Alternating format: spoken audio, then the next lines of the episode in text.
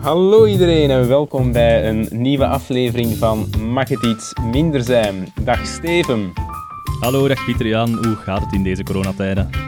Goh, ja, valt mee, hè, valt mee. We mogen vanaf nu bezoek ontvangen zeker, dat je onze bubbel vergroten. Dus uh, Ja, het begin van het einde, of het einde van eh, de tunnel is in zicht. maar wij hebben elkaar niet gekozen als eh, gezinsbubbel. Goh, virtueel wel, hè, virtueel Ja, wel. ja, ja. En, en in mijn hart zit, eh, zit dat altijd natuurlijk, hè. Maar je had ook geen tijd om te komen, want jij bent je eh, doctoraat aan het finaliseren voor... Allee, finalise- je, doctor- je doctoraat is al klaar, maar je wilt het publiceren. Ja, ja, belangrijke In nuance. Ja. dat, zou, dat zou leuk zijn. Ja, dus daar ben ik nu, terug, nu terug aan bezig. Dat is de gedroomde opportuniteit natuurlijk, met dat alles is weggevallen. Alle andere afspraken, nu niet dat ik zo'n druk sociaal leven heb, maar toch. Hè. Hoeveel pagina's moet je schrappen? Ehm, goh, ik heb er nu toch al, denk ik, een honderdtal of een kleine honderdtal eh, geschrapt. Ja, ja. Ehm, dus ja, toch, toch al een heel deel, ehm, heel deel dat eraf is.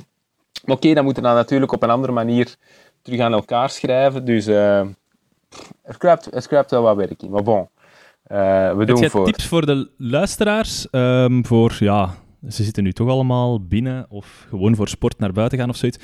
Heb je luistertips, podcasttips die dat je wilt eh, aanraden? Eh, wel, ik, eh, we waren er daar straks over bezig. Ik heb eens nagedacht. Wat ik een leuke... Dat is natuurlijk geen aflevering, maar een reeks. Wat ik een leuke reeks vind, is You're Dead to Me van eh, BBC4. Ja, Ehm, natuurlijk, hè, je kent mij, dat is een geschiedenispodcast. waar dat het concept een eh, expert in een bepaalde materie, eh, dat kan van alles zijn. Ehm, wat is hier het laatste? Eh, Napoleon bijvoorbeeld.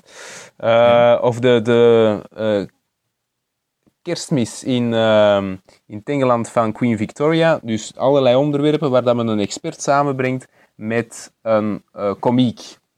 Alright. En dan eh, laat men dat eh, ja, zijn beloop kennen. Dus altijd wel, dat is heel luchtig verteld, maar je steekt er ook echt wel iets, eh, iets bij op. Dus eh, You're Dead to Me, dat kan ik, dat kan ik aanraden.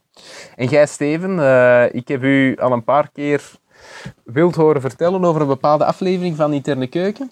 Ja, het is een gouden ouwe. Het is ehm, in, in interne keuken in de zomer, zeker van 2017, bleken ze ehm, naar iemand zijn huis te gaan en daar een keer te praten met één bepaalde persoon. Dus eigenlijk een opname met één gast. En ehm, waar ik het over heb, is de opname van 5 augustus 2017 te huize van Reginald Verhofstede. Dus als je zoekt in je podcastprovider, ga naar eh, 5 augustus 2017 en zoek die aflevering. Dat is een para. En die heeft ehm, een missie gedaan in Somalië en Rwanda en heeft daar de grootste ehm, genocides meegemaakt. En ook vertelt ook vanuit de verslagenheid om zelf niet te kunnen optreden, omdat ja, zijn missie was beperkt tot het redden van Belgen en niet tot het redden van inheemse bevolking. En dan praat hij over hoe dat hij daarna mee omgaat en zeker en vast met het, het, het niet doen. Hè? Want Ja. als militair word je getraind op de actie en daar zit je dus eigenlijk niets doen. Een beetje het concept van Jarhead, ook zo'n Ja. soort van film die dat, dat belicht. Ehm, en, en, en zoals je kunt horen uit, zijn, eh, uit de verhaal die dat hij vertelt, ehm, allee, hij is wel fan van poëzie. Hij drukt het op een hele prachtige manier uit. De, de gevoelens die dat hij daarbij heeft en, en de verhaal die dat hij heeft. En het is, eh, je staat er wel even stil van als je het hoort, hoor. Dus ehm, ja. En er is ook nadien een, een, een, ik denk een monoloog van gemaakt door... ja, Ah, is, is dat eh, die een Bruno Parra van Bruno Dingesjes? Ja. Eh, Ja. ah, is dat, is dat op, op, zijn, eh, op zijn leven gebaseerd? Ja, ik, dat weet, wist ik ik, niet. ik, weet niet of dat volledig... Bruno van den Broeke, ja. Ik weet niet volledig of dat gebaseerd is op dit verhaal, maar in ieder geval, hij was er naartoe gegaan tijdens de première en hij zei, het is ongelooflijk hoeveel gelijkenissen dat er zijn. Het is precies of dat ik weer aanwezig was op, eh, op eh, het slagveld zelf. Allee, het slagveld, niet dat hij dat heeft meegemaakt, maar ehm, op, op de site zelf, ja. Ja. Ah, geweldig. Want dat is eigenlijk toch een verhaal dat, dat minder gekend is bij ons. Oké, bon, we kennen de namen Rwanda, Somalië, maar wat er echt gebeurd is... ehm, als ik dat vergelijk met ehm, Nederland bijvoorbeeld, hè, de betrokkenheid daar, Dutch Battle in, hè, in Joegoslavië, eh, waar dat toch een heel publiek debat over heeft bestaan. Hè, wat, wat is hun verantwoordelijkheid daar? Bij ons, Aansprakelijkheidsclaims. voilà, eh, bij ons, ja, ik denk dat bij ons zijn er ook wel rechtszaken misschien geweest. Dat weet ik nu eigenlijk zijn, niet. dat weet ik Dat weet ik niet. Ehm, maar bon, maar dat is alleszins, er is geen publiek debat over gevoerd. Hè? Dus eh, het, is, het is inderdaad wel eens interessant om, daar, om dat te belichten. Ja. Bon, Steven. Ik heb Aflevering van vandaag. aflevering van vandaag. Ik heb een vraag. Ja. Ik heb hier een geluidsfragment. Oh nee, dat geluid. Ja, daar ben ik al een heel week Oh, wild over aan doen. Ja, ja, het zal Ik heb wel. een geluidsfragment. En de vraag is, Man, waar man, komt dat vandaan? Of wat, wat is dat geluid? Naar wat luisteren we? Ja, ja. Ik, ik, waarschuw u, de kwaliteit is misschien niet top, Goed. Ja. maar, maar het is goed geprobeerd. Hij heeft, hij heeft me al gewaarschuwd, de, de geluidskwaliteit gaat slecht zijn. Oké, we gaan er nu naar luisteren.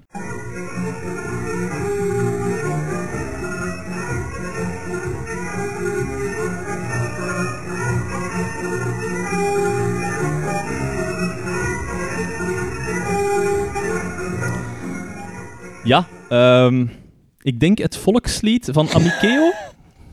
Klopt. Klopt. Ja? Aha. Klopt, het volkslied van eh Neutraal Maurice. Nee, ik had trouwens de aflevering ook kunnen beginnen zeggende, en dat heb ik opgezocht, Saluton al cuj bonvenon al hi eble estos malpli. Dat is Esperanto voor hallo iedereen. Allee, ja, bon, dat is een poging tot Esperanto. Welkom Voor- bij Mag het iets minder zijn? Hallo iedereen, welkom bij Mag het iets minder zijn. Oh, feest. Dus inderdaad, Morisne Amikeo, we gaan het vandaag hebben over een goh, stukje vergeten vaderlandse geschiedenis. Al moet ik zeggen, Ja. ehm, vergeten, je vindt daar eigenlijk heel veel over terug. Ja, dat is waar. Ik weet niet of dat Ja. u dat is opgevallen. Voor, eh, en ik, ja, ik, ik vraag mij af, waar komt dat eigenlijk vandaan? Er is een soort van hype, hè, neutraal Morisne. Amikeo, ge, of tal van programma's. Wacht, ik ga, ik ga u even onderbreken. Ja. Amikeo is het Esperanto voor ehm, volk... eh, nee, ehm, land der vrienden zeker, hè? Land van de vrienden of zo? Of oor, oor ter vrienden, ja. ja Oor dus der ja. vrienden, ja, ja, ja. Ja. Ehm, van Ami, vriend, en Keo, oort. Dat heb ik geleerd van ehm, eh, de aflevering van Sven van Sprijbroek, eh, die ook op YouTube Maar Esperanto is bedoeld om een gemakkelijke taal te zijn, zeker. Dus als je ergens keo achter zet, Ja, achter een klopt. gewoon woord, betekent Klopt. dat die plaats. En daardoor Klopt. wordt het heel gemakkelijk om... ehm, Ja, ja Om het moet blijkbaar zeer intuïtief zijn. Eh, maar ja, Ja, daar kunnen ja. we misschien straks ook, straks ook nog over op doorgaan. Maar hè. inderdaad, je vindt heel veel terug over, ehm over Moresnet, het drie landenpunt. Ik was daar ooit al eens geweest, maar ik had, ja, weet je dat, als met zo'n familieuitstap en je zit er niet vol, vol bewust van dat dat inderdaad zo'n belangrijk ehm, fragment was geweest uit onze geschiedenis. Ook dat land, neutraal Moresnet, dat heeft 100 jaar bestaan, wat dat... Ik dacht ook dat dat zo ergens een paar jaar had bestaan, of een decennium hoogstens. Want Het heeft dus een, een, een, een volledige ehm, eeuw bestaan. Ja. En we hebben er ook twee boeken over gevonden, wat dat op zich ook al... Nederlandstalige boeken over gevonden, wat ik op zich ook al raar vind. ja, ik heb het boek en gelezen... podcasts. Ja, podcasts ook. Ik heb het boek gelezen Moresnet, Opkomst en ondergang van een vergeten buurlandje, van Philip Dreugen, een Nederlandse historicus. Dat boek kan ik aan iedereen aanraden. Dat is 240 pagina's. Hij belicht het vanuit verschillende perspectieven. Ehm, dus ook het verhaal vertellen van verschillende ehm, inwoners van dat dorp, van dat neutraal land. En ehm, leest als een trein, echt. Leest als een trein, historische context, eh, economische context, alles komt eraan aan bod. Pieter Jan heeft Zink gelezen van David van Rijbroek. En Pieter Jan, vertel eens, hoe vond jij dat boek? Eh, wel, het is wat het eh, zegt dat het moet zijn. Het is een essay. Oh, Jezus, gast. Eh, ja, maar hij heeft Diplomatische antwoorden altijd. Ja, maar ik moet daar ook eerlijk in zijn. Hij heeft dat geschreven, David van Rijbroek, naar aanleiding van de Boekenweek. Er wordt blijkbaar elk jaar een essay geschreven. Hij heeft dat daarvoor geschreven. Een zestigtal bladzijden. En dat werd toen, denk ik, voor 3 euro werd dat verkocht. Dus perfect. Nu betaalde daar 13 euro voor. Natuurlijk, voor een essay. En het is moet eerlijk zijn, het is goed geschreven. Hè? Ik bedoel, we kennen allemaal David van Rijbroek, zo'n uh, zo Ja. Congo-geschiedenis. Het is heel mooi geschreven, weer de, kleine, de heel kleine geschiedenis. eh, verweven met, met de grotere politiek. Dat gebeurt hier ook weer. Hè. Zijn insteek is ehm, ja, een gewone inwoner van, uh, van Moresnee en hij volgt die dan uh, doorheen, doorheen zijn leven. Dus, dus heel mooi gebracht, heel mooie zinnen. Maar natuurlijk informatief. Ja, het, zijn 60, het wordt aangekondigd als 60 pagina's als je het begin uh, en de tankwoord en zo er, eraf trekt, ja. dan, dan zit dan 55. En het is, uh, ik weet niet wat voor formaat dat, dat is, maar dat is uh, A6 of zoiets, denk ik. dus, allez, bon, hè, zoveel staat er niet in. Ik zou er dus ook geen 13 euro voor geven, maar dat was natuurlijk oorspronkelijk ook niet de bedoeling. Dus dat is zeker geen kritiek op David van Rijbroek. Ehm, maar ja, als je moet kiezen, als je 10 euro te spenderen hebt, of 15 euro te spenderen hebt, dan zou ik voor, uh, ja. voor Je hebt ook de, de 100 eerste pagina's van het boek van uh, Philippe Dreugen gelezen, hè? Absoluut, absoluut. Uh, ja, ja, en ik vond die uh, ja, aanbevelenswaardig. Heel, heel leuk geschreven, ja. Oké. Okay. Ik ga direct met de deur in huis vallen, direct na een tiental minuten opname.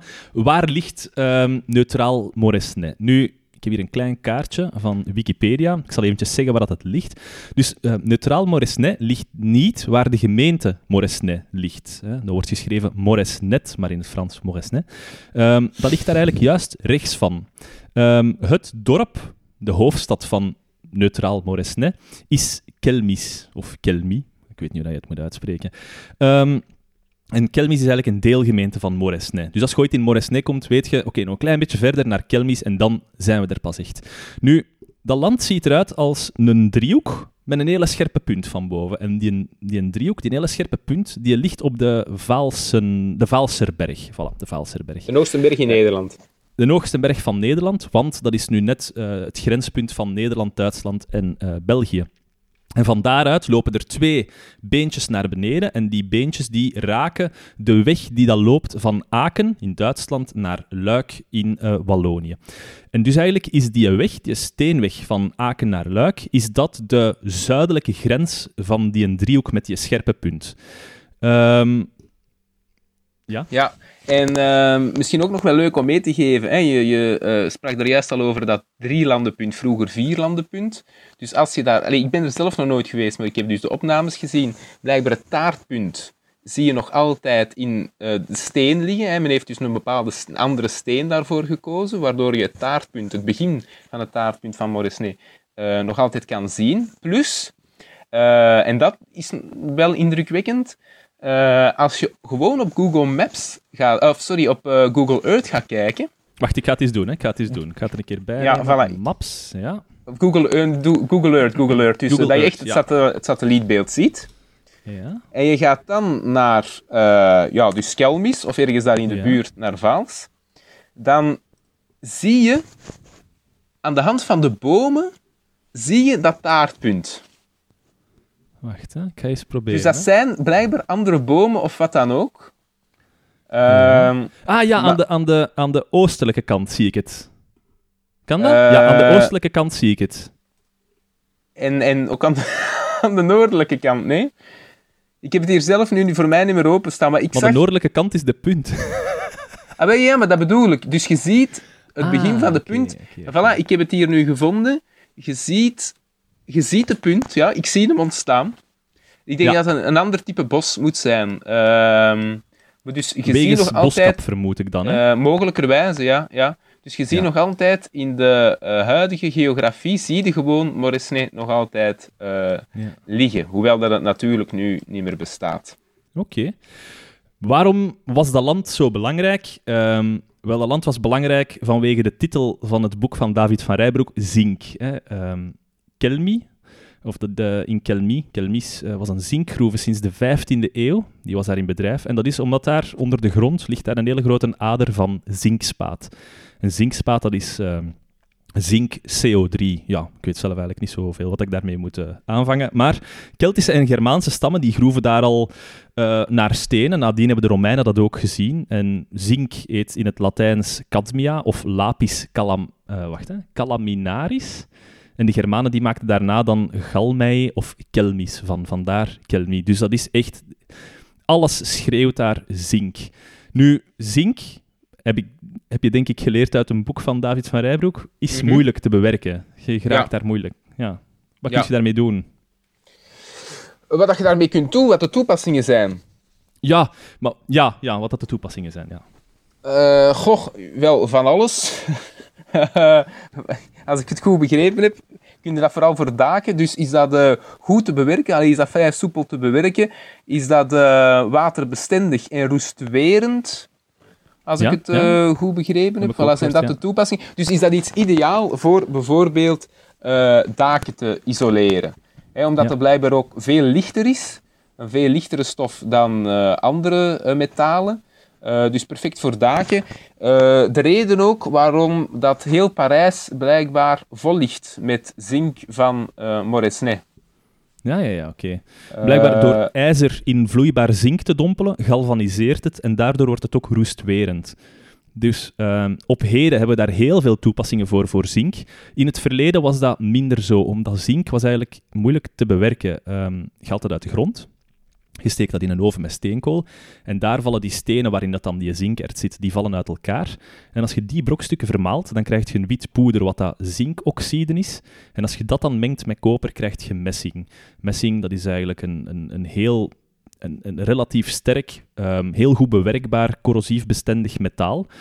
Maar het probleem was, um, tijdens dat proces, dat was eigenlijk totaal niet efficiënt, want tijdens dat proces ging er heel veel van die zink verloren in gasvorm, wat dan natuurlijk niet werd opgevangen door die oven, uh, waardoor dat het in grote hoeveelheden enorm duur was om te maken. Dus waar vond je die, uh, die zink terug en die, die messing? Dat was dan voornamelijk als specifieke onderdelen van bepaalde machines, want daarvoor was het dan wel goed. Nu... Um, ja, want men wist ook niet eigenlijk echt van het bestaan ervan. Hè? Alleen men wist als men iets deed, inderdaad met koper uh, en met die zinkspaat, dat er wel een gunstig resultaat uh, uit voortkwam. Maar echt pure zink, ja, omdat het zo moeilijk te vangen was, omdat het eigenlijk vervloog. Hè? Het, was een bijproduct, hè, zo gezegd, in, een, in een andere productie. Uh, productieproces en het vervloog. Dus men wist eigenlijk niet echt goed, uh, niet echt goed wat het was en wat de toepassingen waren uh, in, in de middeleeuwen. Hè? Allee, of alleszins voor de, voor de 19e eeuw. Maar dat verandert allemaal met de naam van ene persoon, Jean-Jacques Donny. Ik denk dat ik het zo uitspreek. Um, ik denk dat korte ook. geschiedenis van Jean-Jacques Donny. Dat was uh, een uitvinder uit Luik. En die is voornamelijk bekend geraakt omdat hij het Bad van Napoleon heeft gemaakt. Bad van Napoleon, ik heb het even, ik moet gewoon een keer zoeken op, uh, op internet. Best wel interessant. Dus het is gewoon een badkuip met daarin ja, het embleem van Napoleon.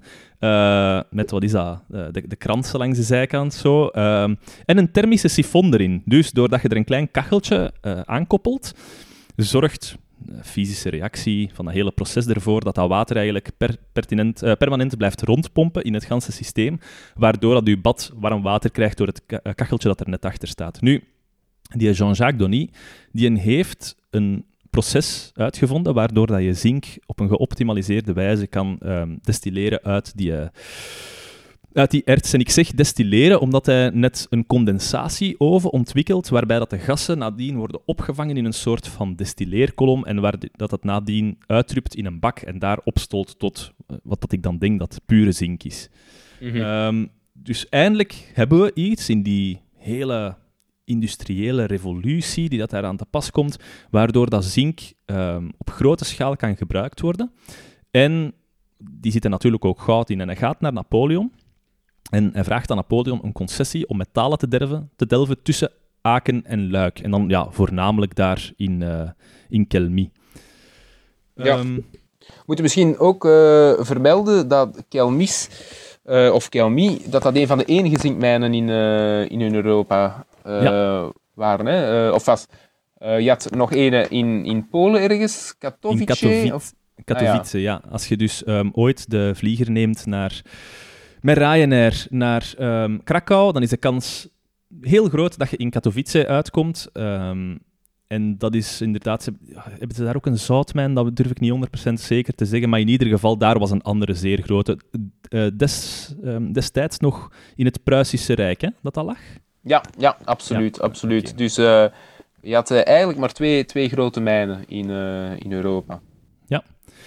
Um, hij krijgt een concessie van 40.500 frank per jaar, waarmee dat je in Parijs een huis kunt kopen. Dus elk jaar die grote som die dat daar aan concessie wordt gegeven aan Napoleon. En is dat dan um, een huis op de boulevard, of is dat een huis meer in de banlieue? Ja, ik dacht, allee, als je, als je... Ik denk wel dat het een, een, een herenhuis is. Ik denk dat het zoiets was. Ja, ja, Ja, niet mis, niet Het mis. is toch wel een, een, een, serieuze, een serieuze som geld. Het enige probleem aan Donnie dat was dat hij geen goede uitvinder was. Eh, een goede uitvinder, maar geen goede verkoper. Hij stopt al zijn geld daarin en hij maakt enorme schulden. En naar aanleiding van de val van Napoleon. ehm, hij heeft daar ergens een keer zo'n excursietje gedaan naar Rusland en dat is daar fout gelopen. Eh, die valt en de, de handel in ruwe metalen, ruwe materialen, die stort volledig in. Ehm, Ja, plus dat men denk ik ook op dat moment de toepassingen weer van zink eh, niet echt kende. Hè? Eh, ah, dus het is na- te het nieuw, is- wilt je zeggen. Ja, ik denk dat er, er er was aan... Hè, Donnie creëert aanbod voor de eerste keer. Ja. Eh, en heeft eigenlijk een, een, een dubbel monopolie, want hij, heeft, eh, hij is de enige die weet hoe het zink te destilleren. En er zijn eigenlijk maar twee mijnen. Eh, dus hij heeft quasi een, een, een dubbel monopolie. Alleen, alleen zit hij met het probleem dat er ja, geen vraag is naar, Ja. naar zijn product. Ja, ja inderdaad. Ehm, en dan komen we bij de tweede naam. Dus we gaan het voornamelijk hebben over die zinkmijn, de hele bestaansreden van Moresnet. De ene naam daarin is dus Donny, de uitvinder. En dan komt François Dominique Mosselman op de proppen. Dat is een rasondernemende Vlaming eh, die net minder rijk is dan de meeste koningen en keizers. En die koopt drie vierde van de aandelen in Donny et Compagnie, dus het bedrijf van Donny zelf. Donny die blijft wel in dienst als technicus, maar de verkoper, de commerciële activiteiten komen volledig in handen van die mosselman. Ehm, natuurlijk, met die val van Napoleon komen er problemen. Hè. Kelmi, dat ligt vlak op de grens tussen het nieuwe Nederland, de Verenigde Provinciën, en Pruisen. Ehm, ik denk dat het tijd is om even stil te staan bij dat hele verhaal van Napoleon. Hè. Dat zit verweven in in die structuur. Dat geeft aanleiding tot het congres van Wenen. Kunt jij eens uitleggen de, de rise and fall van Napoleon in een notendop en waarom dat van belang is voor, eh, voor dit verhaal? Goh, de, ja, de Rise moeten we misschien voor een andere keer houden. Ja, maar inderdaad, ehm, ja, op een bepaald moment staat quasi heel Europa, het zij rechtstreeks, het zij onrechtstreeks, eh, via bevriende heersers, onder controle van eh, Napoleon, op dat moment keizer Napoleon. En, en zoals gezegd, ehm, ja, er zijn dan twee grote machten nog in Europa. Zijnde Napoleon en dan Rusland. Hè. Rusland van eh, keizer of tsaar eh, Alexander. Nu, die, ehm, op een bepaald moment krijgen die een meningsverschil. En Napoleon vindt er inderdaad niet beter op dan met zijn heel leger, zijnde, ik denk een 500, 600.000 man, Holy naar, eh, naar Rusland te trekken. Eh, en ja, naar, uiteindelijk zelfs naar Moskou. Hè. Dus hij bereikt Moskou. ah, Hij toch? zit- Ja? ja, ja, absoluut. Hij, bereikt Moskou. Alleen treft hij daar niemand aan. Dus hij, hij dacht, ehm oldschool, als ik de hoofdstad heb, dan ben ik gewonnen. En dan zal er een vredesverdrag volgen. Eh, dan leg ik mijn eh, voorwaarden op, et cetera. Zoals het altijd gegaan is. Maar die Russen eh, uiteindelijk hadden hun hoofdstad gewoon opgegeven, waren verder getrokken. Er is En waar zaten die dan? Waar, is het, waar was het centrum van de macht van Rusland op dat moment? Goh, ja, je had Sint-Petersburg natuurlijk. Ja. Eh, ik denk dat dat het politieke centrum was. Eh, maar dus, ja, er werd gewoon geen, eh, geen, geen veldslag uitgevochten. Allee, er is één veldslag uitgevochten ehm, voor Moskou. Maar die is eigenlijk onbeslist geëindigd. Eh, Borodino is onbeslist geëindigd. Dus ehm, ja, het probleem, alleen briljant natuurlijk. Napoleon zit daar in Moskou, Napoleon zit daar met zijn troepen.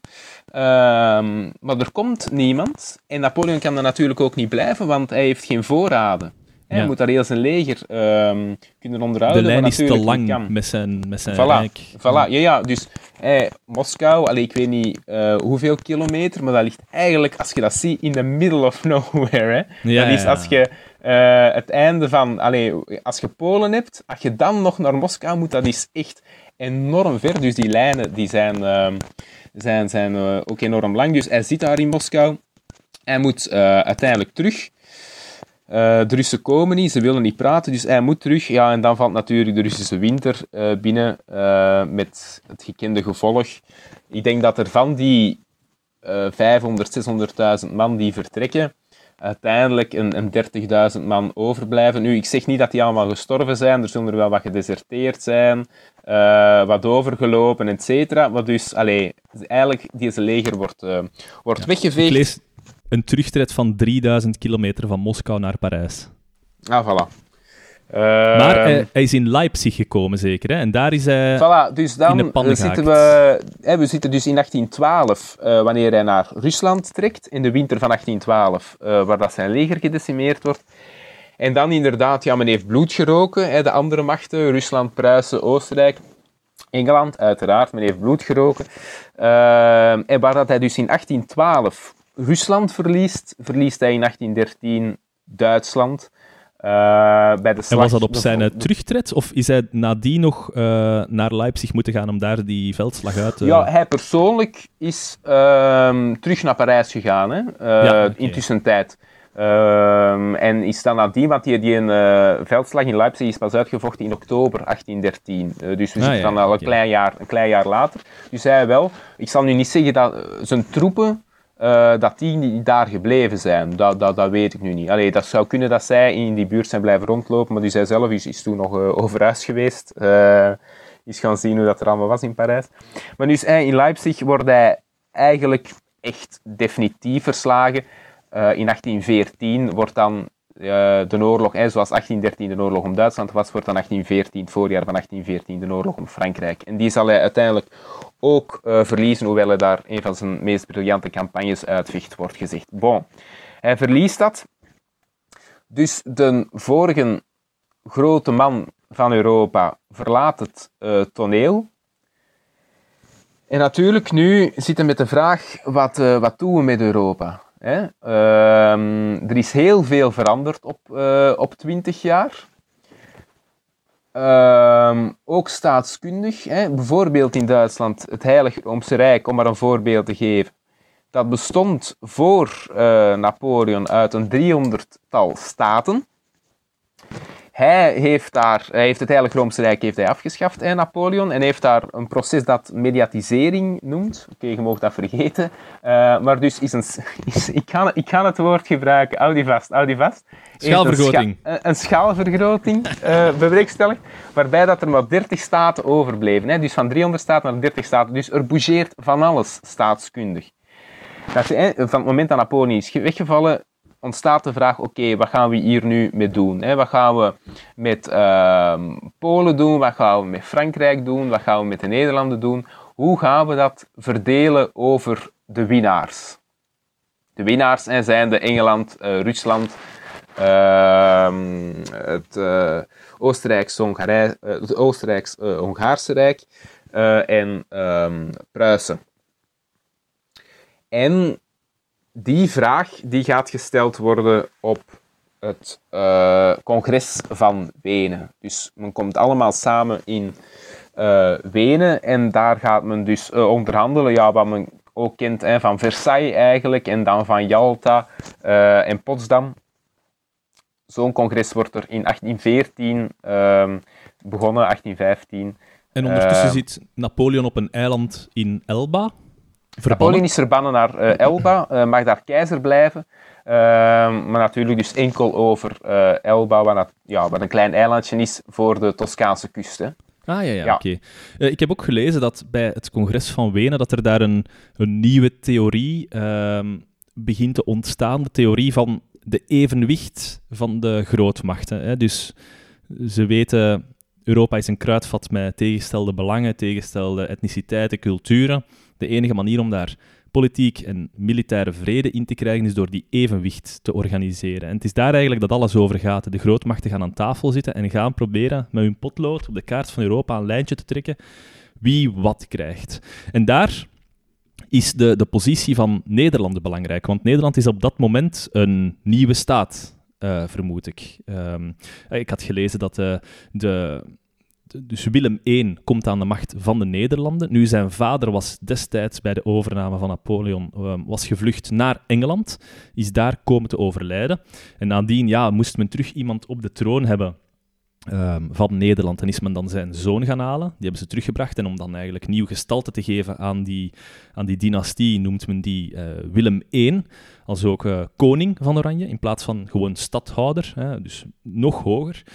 En hij krijgt ehm, ja, stadhouder. De vorige was stadhouder omdat hij nooit soeverein was. Hè. Het was altijd een andere koning, een andere overheerser. En hij was dan eigenlijk de, de landvoogd, vermoed ik. Pieter Jan, ik zie u instemmend uh, uh, nee, nee uh, dus stadhouder, ja, hij was niet soeverein op het moment van Karel en zo, in de Spaanse periode. Ja. Natuurlijk op het moment dat men zich onafhankelijk verklaart, het plakkaat van verlating in 1581, als ik mij niet vergis, ja, heb je geen soeverein niet meer.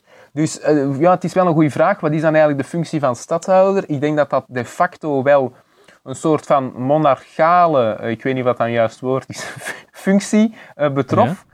Ja. Um, ja, toch, maar ja, okay. ja, toch wel, want men had dan ook een, een dynastie van stadhouders.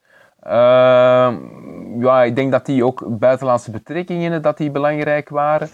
Uh, goh, maar wat die, want die werden dan ook aangesteld door de verschillende gewesten. Dus wat hun functie juist was, uh, dat durf ik ook niet uh, met zekerheid te zeggen. Alleszins, uh, het ambt, wat normaal een stadhouder is, zijn de lieutenant, hè, een luitenant, het, de vertegenwoordiging van een hoger orgaan van een soeverein, dat was het niet meer na uh, het uiteenvallen van, van de Nederlanden in de 16e eeuw, hè, nadat men zich ja. uh, onafhankelijk had verklaard. Ah, ik had dit moeten weten na onze vorige bespreking van de 80-jarige oorlog. Ik ga oh, er nog eens naar een, luisteren. Ik ben een beetje als, teleurgesteld, ja. Ja, nee, als opfrissing. Als opfrissing. Zwat, ik ga voort.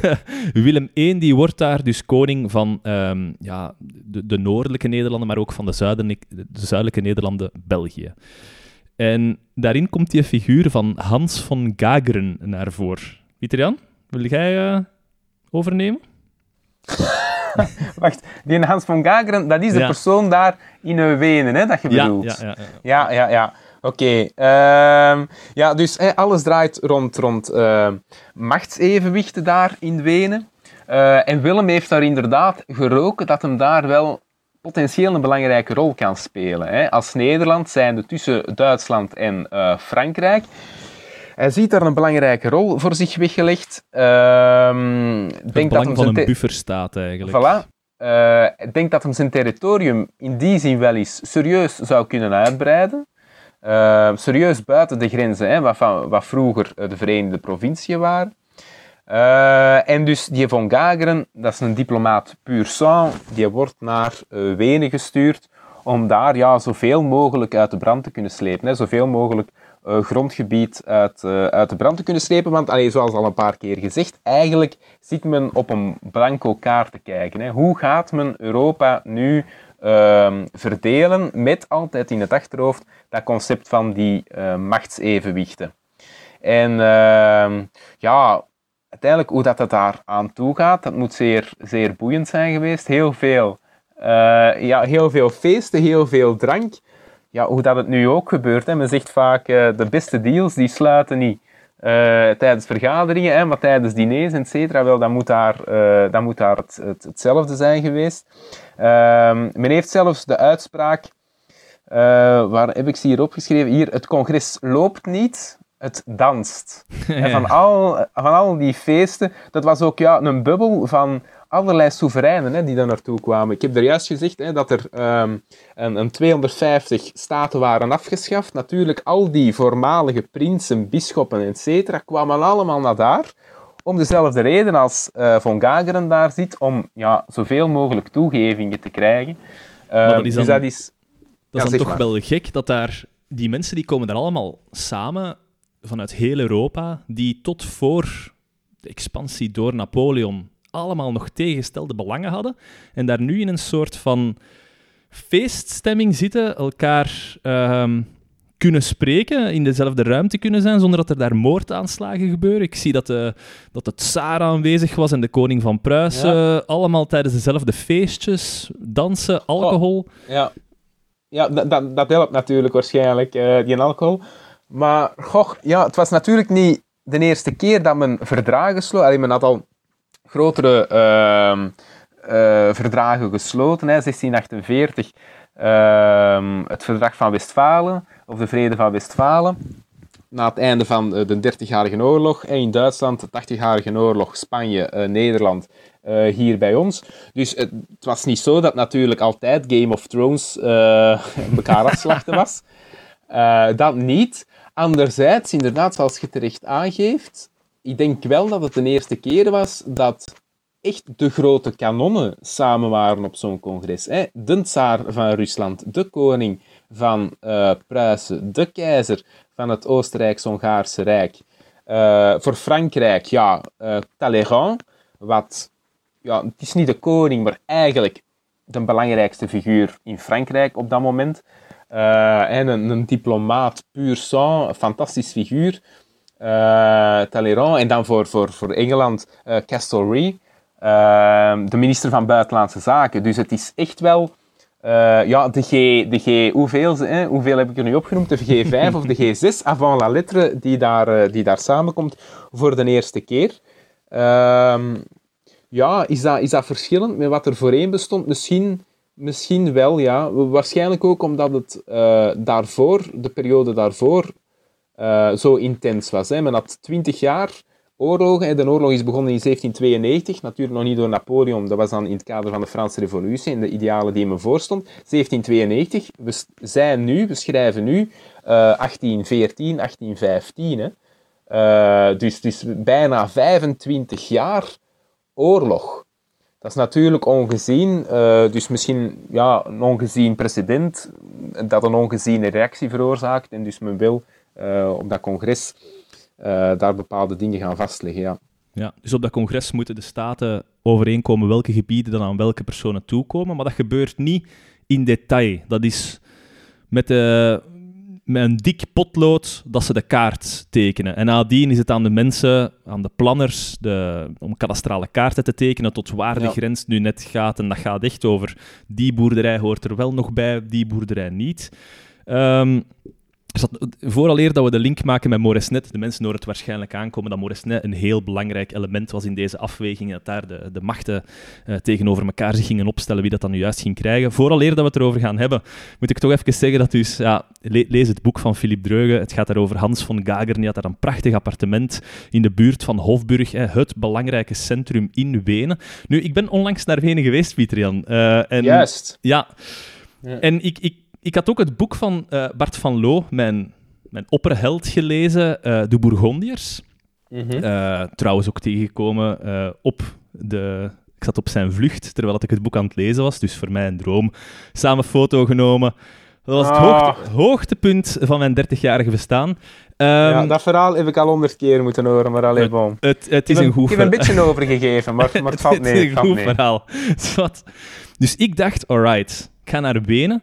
Want dat, dat verhaal van, uh, van de Bourgondiërs ging ook grotendeels over de Habsburgers, hè, het Habsburgse Rijk, hoe belangrijk dat dat eigenlijk wel was. Ik dacht, alright, we gaan het hier allemaal gaan meemaken. Waar draait Wenen nu voornamelijk over? Hè? Frans Jozef, hè? De, de laatste keizer weliswaar. Dus dat kan ik nog een beetje begrijpen. Maar voornamelijk Sissi. What the fuck, Sissy?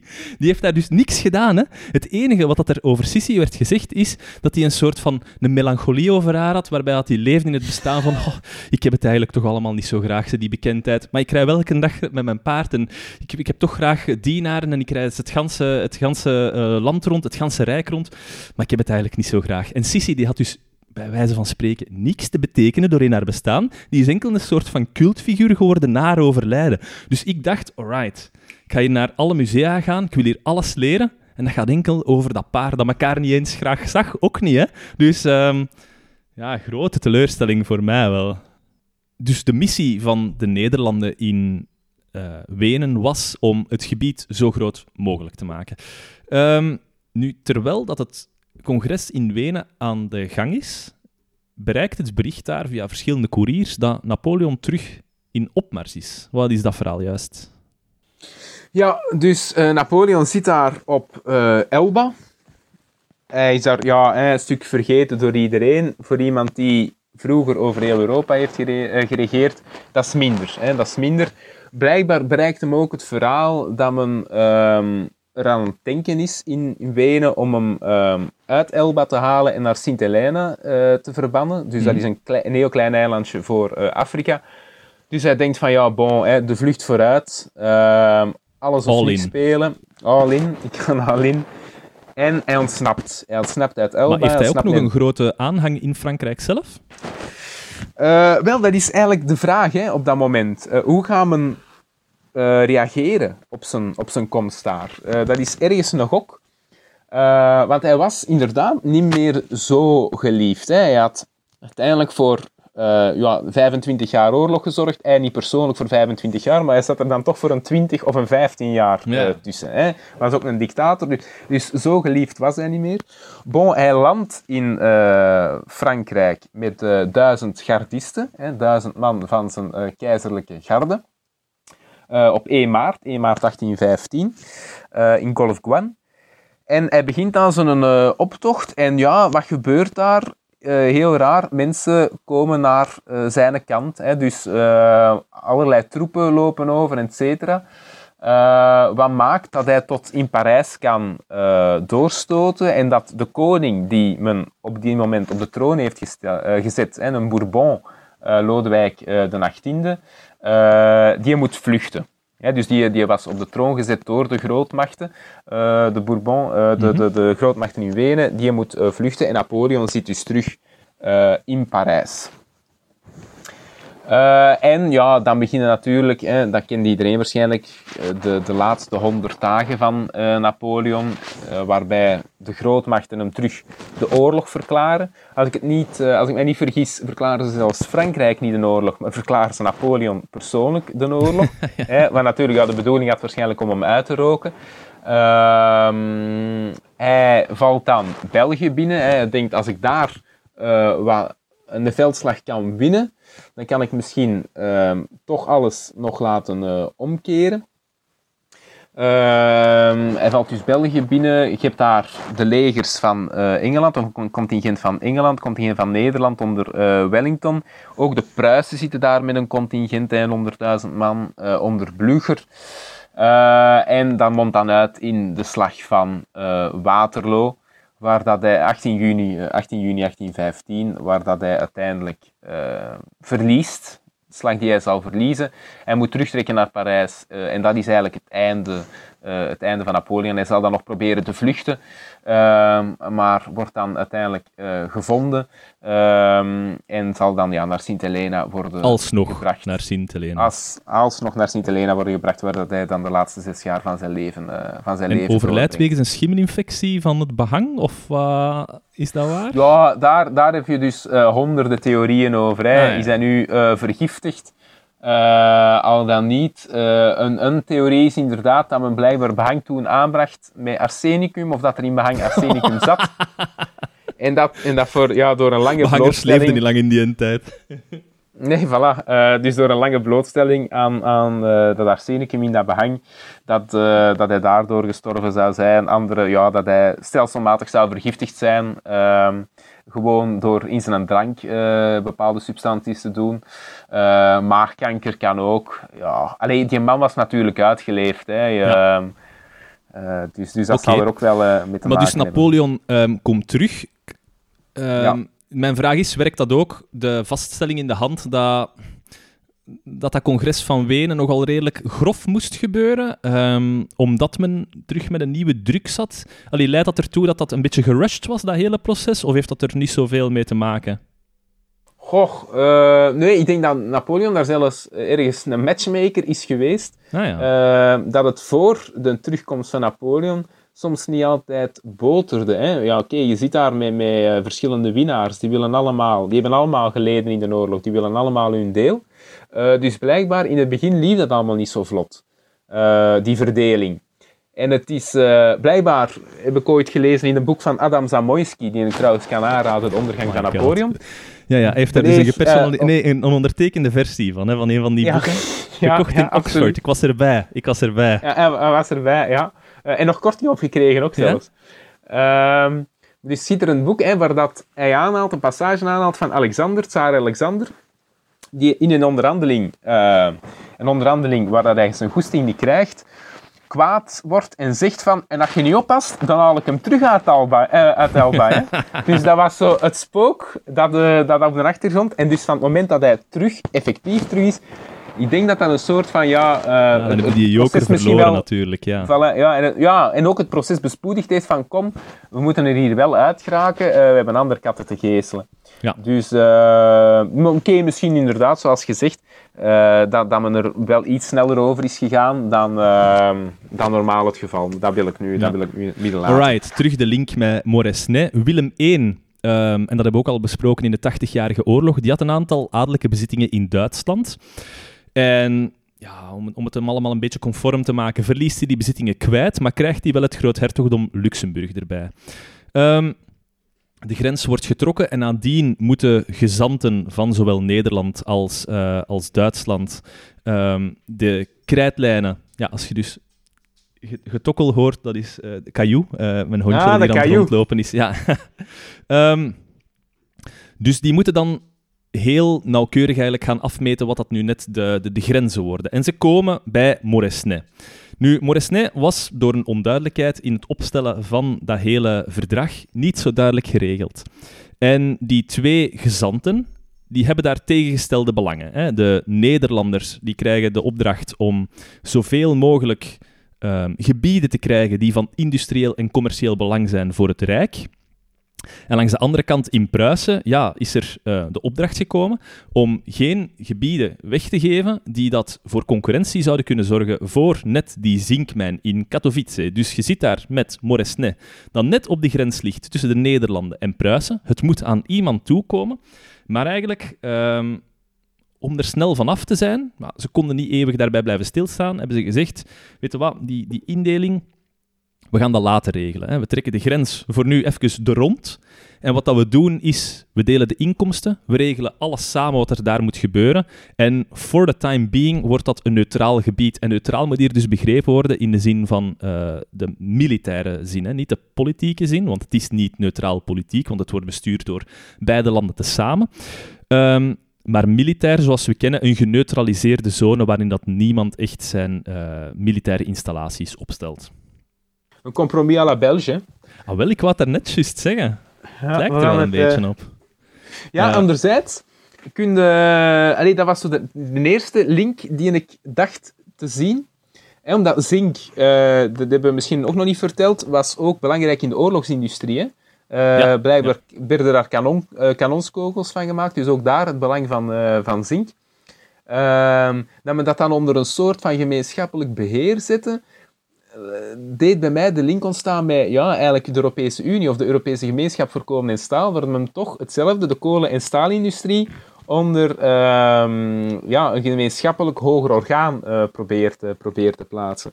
Hoewel dat natuurlijk hier ja, meer uh, ja, van de mond is, uh, veel, over nagedacht. Of veel ideaal zit er ook niet achter. Hè. Het is gewoon, uh, men gracht er niet uit. Dus het is, het is misschien meer compromis à la Belge dan, uh, dan dat er uh, een Europees ideaal achter Maar het is wat dat je zegt, het is niet het roergebied. Het is, het is een dorp en een mijn. Het is niet de moeite waard ja. om daar een oorlog over uit te vechten. Zeker niet. Gelet op nee. het, het, politieke kruidvat dat Europa op die moment is. Um, Oké, okay. ze ze zeggen dus, hoe gaan we dat bestuur daar nu gaan regelen? Hè? Want we willen het beide regelen, maar hoe gaan we dat doen? Wel, er zit een burgemeester in dat dorp. Dat is al goed. Die kan al de, de zaken waarnemen. Maar die burgemeester mag enkel de gemakkelijke zaken behandelen. Van het minst dat die zaken een beetje complexer worden, moet je het gaan vragen aan de regeringscommissarissen. Dus de regeringscommissaris die onderhandelt eigenlijk namens de koning en namens de vorst van hun eigen uh, gebied. Nu, voor iedereen dat denkt, allez, regeringscommissaris. In die tijd was het een commissaris. Ik zeg nu regeringscommissaris omdat dat geen.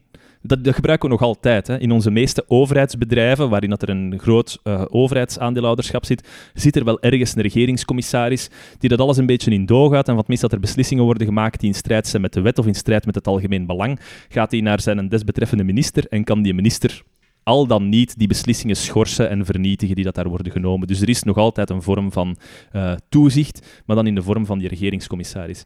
Nu, die regeringscommissaris die kan zelf ook niet alles regelen. Voor echt diplomatiek gevoelige zaken moet die regeringscommissaris dan nog een keer uh, naar de, het ministerie gaan voor, wat is dat dan, buitenlandse zaken enzovoort.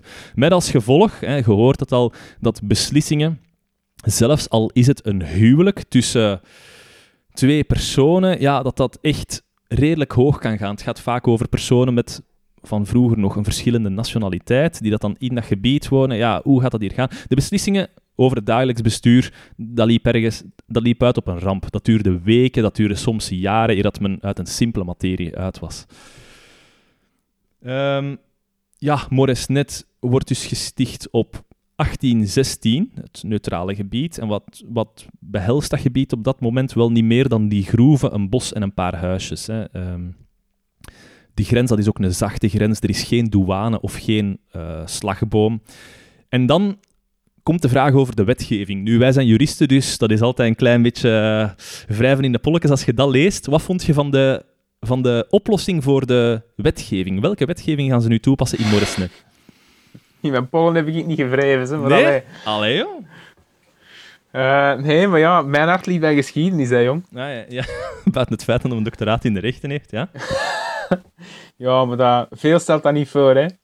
We moeten er eerlijk in zijn. Ja, dat is waar. Uh, nee, uh, ja, dus qua wetgeving inderdaad, hè, de vraag, ehm, wat ga je nu kiezen? Je hebt de Nederlandse wetgeving, je hebt de Pruisische wetgeving de vraag bij welke van de twee. En geen van de twee wil daar een toegeving uh, doen. Uiteraard. Hetzelfde met het opdelen van het gebied in 1816. En men wil daar geen toegevingen doen. Dus men zoekt opnieuw naar een compromis. En uh, men komt uit bij ja, de wetgeving die van toepassing was op het moment dat Neutraal Moresnet ontstond. Ja. En dat was de wetgeving die van toepassing was doorheen het Rijk van Napoleon. Dus de oude uh, Franse wetgeving, de oude Code Napoleon. Uh, en ik denk ja, voor uh, burgerlijk recht, hè, dat dat allemaal nog wel mee zal hebben gevallen. Omdat gaan, ja. uh, en ja, dat, dat voor ons, uiteindelijk, ons burgerlijk wetboek op dit moment is ook nog voor een heel groot deel terug te brengen op Napoleon. maar het strafwetboek van 1809 of 1810, het Frans strafwetboek, Goh, dat is natuurlijk echt een oud beestje, alleen een relict van die een tijd met ook uh, ja, lijfstraffen, et cetera. Maar dat is oorlogswetgeving, hè? Dat is wet... inderdaad, ja. ja. wetgeving gemaakt voor bezette gebieden, waarin dat zelfs het minste vergrijp wordt bestraft met lijfstraffen, doodstraf. Um, ja, een ander nadeel van die Code Napoleon is ook de enige die dat de Code Napoleon kan wijzigen, of de Napoleaanse wetgeving, dat is Napoleon. Maar die heeft op dit moment geen enkel gezag meer, of geen mandaat meer. Dus die wordt niet meer geactualiseerd, die wetgeving. Nee. nee, inderdaad, die blijft voor 100 jaar blijft die hetzelfde. Hè? Uh, nee, de enige manier om daar een oplossing voor te vinden is dat men overeen zou komen. En ja, of men wil het niet, of men vindt het onbelangrijk. Uh, dus effectief, voor 100 jaar blijft die wetgeving hetzelfde. Blijft, die, blijft dat Frans oorlogsrecht uit de tijd van uh, de Napoleontische oorlogen. Ja, ja klopt.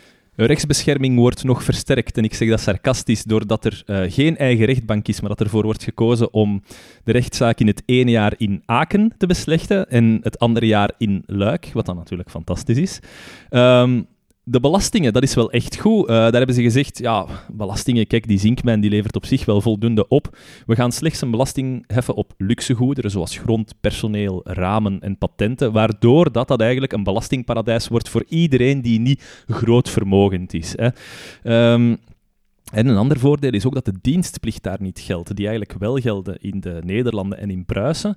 Wat dat natuurlijk tot gevolg heeft dat er een grote trek komt naar Moresnet. Nu, voor alle anarchisten die zeggen, oh, Moresnet, dat werkte fantastisch, en daar was geen wetgeving, er was gewoon een burgemeester, dat was een belastingsparadijs. Ik denk dat de luisteraars al een beetje doorhebben dat een grote trek naar Moresnet, omwille van al die redenen, dat dat ook een schaduwzijde heeft. Zoals... Mhm ja, het, het smokkelen. Hè. En, en, ja, wat jij?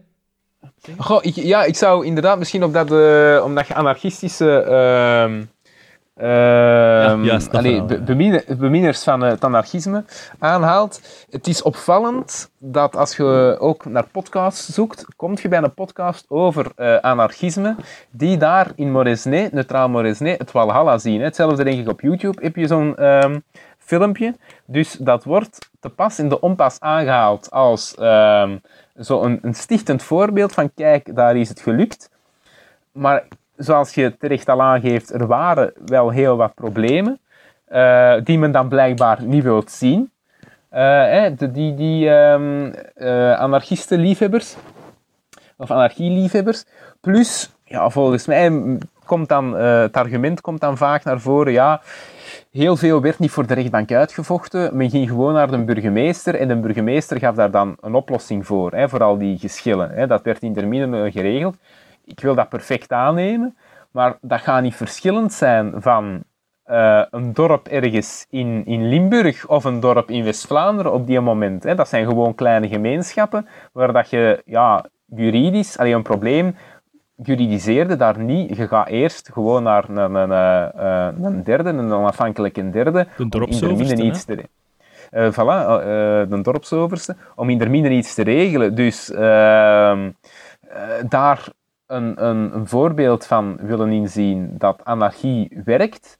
En dat we dat maar op grote schaal moeten uiten. En Moresnet, allee, het is de grootte van, van Central Park in New York. Hè. Dus het werkt daar. Ah, Ah is ja, dat echt? Is dat zo maar- groot? Drie eh, vierkante... ik heb me, ik, ik ja, heb me dat laten vertellen. eh, ik heb me dat laten vertellen op de podcast.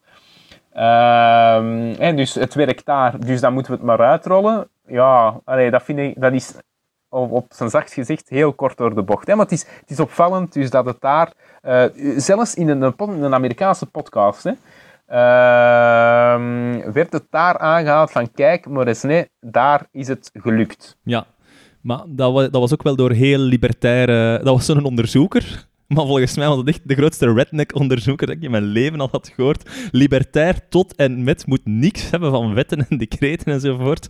Ehm, nu, de luisteraars die denken dat wij een beetje te sceptisch zijn tegenover het verhaal van Moresnet, het zal straks wel duidelijk worden waarom dat in principe niet echt werkte. Nu, Smokkeling, eh, smokkelen nam geweldig toe in die regio. Ik had daarnet al gezegd dat de zuidelijke grens van Moresnet, dat is eigenlijk de, de weg die dat Aken en Luik met elkaar verbindt. Hè.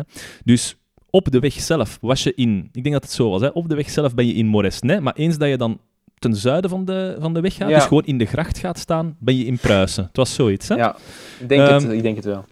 Om, voorbeeld te geven van hoe dat, dat smokkelen nu net in elkaar zat, ga ik het voorbeeld gebruiken dat ook eh Philip Dreugen had gebruikt in zijn boek. Een lading zout komt toe in Antwerpen en daarvoor betaal je dan invoerrechten. Ehm, dan rij je richting Aken met dat zout en aan de grenspost van Nederland vraagt je handelaar zijn rechten terug. Hè. Je hebt invoerrechten betaald voor het zout, maar omdat het zout Nederland alweer gaat verlaten, ja, kunnen die invoerrechten terugkrijgen, want je hebt het niet verkocht in Nederland. Ehm, die rijdt dan door Moresnet met als bedoeling om naar Aken te rijden. Ja, natuurlijk, je ziet het al voor u, die komt nooit toe in Aken. Ergens in het midden van dat dichte bos in Moresnet rijdt hij gewoon terug via een veld eh, Nederland binnen. En voilà, heeft hij eigenlijk de invoerrechten op zijn zout kunnen terugverdienen door eventjes naar de grens te rijden en dan weg. En zo gebeurde dat, was schering en inslag. Ook heel veel huizen die op de grens stonden eh, met de twee, waardoor dat je gewoon aan de voordeur binnen kon gaan. Ben je nog altijd in Moresnet en via de achterdeur buiten komen en je bent in Pruisen of in Nederland. Dus dat leidt tot een enorme misdaadgolf. Met Blijkbaar smokkelaars. heb je ook tunnels, hè? Ja? Sorry, ja, sorry dat ik onderbreek. Ah, ja. ja. blijkbaar heb ik ook gehoord eh, dat je dus een tunnel had eh, van neutraal Moresnet naar Pruisisch Moresnet, eh, dat, men daarna heeft, dat men daarna heeft gevonden, waar dat dus ook ja, door gesmokkeld werd. Ja, dus Dit, dit- je gaat duidelijk worden dat dit echt het, het wilde westen gaat zijn. Net omdat het die gedemilitariseerde zone is, die neutrale zone, waar dat dan eigenlijk eh, de uitvoerende macht een veldwachter was. Wat dat niet al te veel voorstelt. eh. Dan denk ik dat we terug moeten gaan... met, met alle respect voor veldwachters. Uiteraard, uiteraard. Besta- bestaat er eigenlijk op dit moment nog een veldwachter? In West-Vlaanderen misschien wel. eh. Allee, hier, hier in eh, Wilrijk heb ik dat een nog niet gezien. afzetmarkt van de podcast aan het, eh, aan het verkleinen, hè, PG? Ja, heb jij luisteraars in West-Vlaanderen? Ja, eh, ik weet niet. Toch een aantal. Toch een aantal. Ah, ja. ja, ja. Ehm, terug even gaan naar het verhaal van Donny et compagnie. Hè, de zinkmijn die dat daar wordt uitgebaat. Ehm, er zijn een aantal problemen in de bedrijfsvoering van die zinkspaatmijn. Zoals ik al gezegd had, Donny, dat was niet de beste commerçant, die had heel veel hoge schulden. Maar die schulden die werden deels afgelost door dat Mosselman, dus die rijke investeerder, die had ingekocht in dat bedrijf. Daardoor kon Donny zijn persoonlijke schulden gaan aflossen. Ja, dat was dus nog niet echt vormgegeven in een NV, waarbij dat, dat schulden waren van de NV, dat waren echt schulden van Donny zelf. Komt daar nog een keer bij dat Donny, ja, die wil liever dat die is zelf nog aandeelhouder van een kwart van de aandelen. Die zou liever dividenden hebben om zijn schulden zelf af te lossen. Maar Mosselman die wil die winsten reserveren in bedrijf om te kunnen uitbreiden. Donny komt dan uiteindelijk te overlijden en Mosselman die betaalt enorm veel voor de resterende kwart van die aandelen dan nog overblijven, zodat die weduwe toch iets heeft dat ze kan afbetalen aan haar schuldenaren en ook dat hele bedrag ging in rook op aan schulden. Um, en ook Pruisen begint tegen te werken. We hebben al gezegd, het beheer van die regio stond onder controle van Nederland en Pruisen. En Pruisen wil niet um, dat die mijn daar al te zwaar uitbreidt. Want zij hebben natuurlijk hun mijn in uh, Katowice. Uh, Pruisen begint ook de geldigheid van die concessie tussen Donny en Napoleon te betwisten. Um, Pruisen probeert ook via de rechter te voorkomen dat er nieuwe zinkovens worden gebouwd.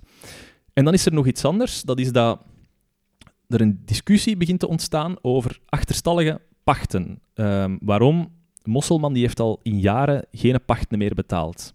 Want er was een Franse wet gestemd die dat zei, oké, pacht wordt afgeschaft en dat wordt gewoon vervangen door verschillende belastingen. En in zijn geval belasting voor mijnen of mijn activiteiten. Maar die belasting die was er nooit gekomen. Dus wat dacht die mosselman? Hopla, in handjes wrijven, ik moet niks betalen. Nu, als, als advocaat of als jurist zou ik zeggen, probeer toch ergens iets te regelen. Hè? Gewoon niet betalen is niet de vrijste oplossing. Hè? Met, met, schulden en met de rente op die schulden. Natuurlijk, die twee grootmachten die beginnen daar te zeggen, ja, oh, hier zijn geen gelden voor betaald, wij moeten wel betaald worden hè, voor die concessie die dat je daar krijgt. Um, en Pruisen laat ook nog een keer Katowice produceren zonder quota en zonder heffingen, waardoor er dumping komt van goedkoop zink op de markt. Um, ga ik voort? Ja, ja, je doet dat goed. Allee, ik wil ik uh, overnemen, maar uh, je doet dat heel goed. Ik hang aan uw lippen, Steven. Ik hang aan uw lippen. ga ik voort. Nu, het gaat dus niet zo goed met die mijn. En er zijn verschillende oplossingen denkbaar. Um, kunnen we dat verkopen? En dan komt er zo'n hele historie in dat boek aan te pas. Dat is, kunnen we het niet verkopen aan Willem I? Willem I, ja, die ook af en toe van een shady business guy. Hè. Dat, is, dat, dat is dus echt een handelaar, hè? een koning-handelaar. Die heeft best wel de verstrengeling van uh, business en uh, politiek, exact. dat is uh, enorm, hè? enorm. Ja. Dus um, ja, kunnen we het niet verkopen aan Willem I? Maar natuurlijk, als je het verkoopt aan Willem I, mag Pruisen daar absoluut niet van weten. Stel je nu voor dat, dat, in Pruisische, dat de Pruisen daarvan komen te weten dat die overeenkomst heeft plaatsgevonden, ja, dan is het oorlog tussen de twee. Dus dat is veel te riskant. Dus wat gebruikt men? Men gebruikt het um, Armotisatiesyndicaat uit Nederland. Nou, ik ga even parafraseren wat er stond uit een boek. Dat is een schimmige organisatie buiten de controle van het parlement, uh, waardoor je de staatsschuld kunt beheren en investeringen doen in Nederland, in industrie en infrastructuur, maar de facto onder controle staat van Willem I.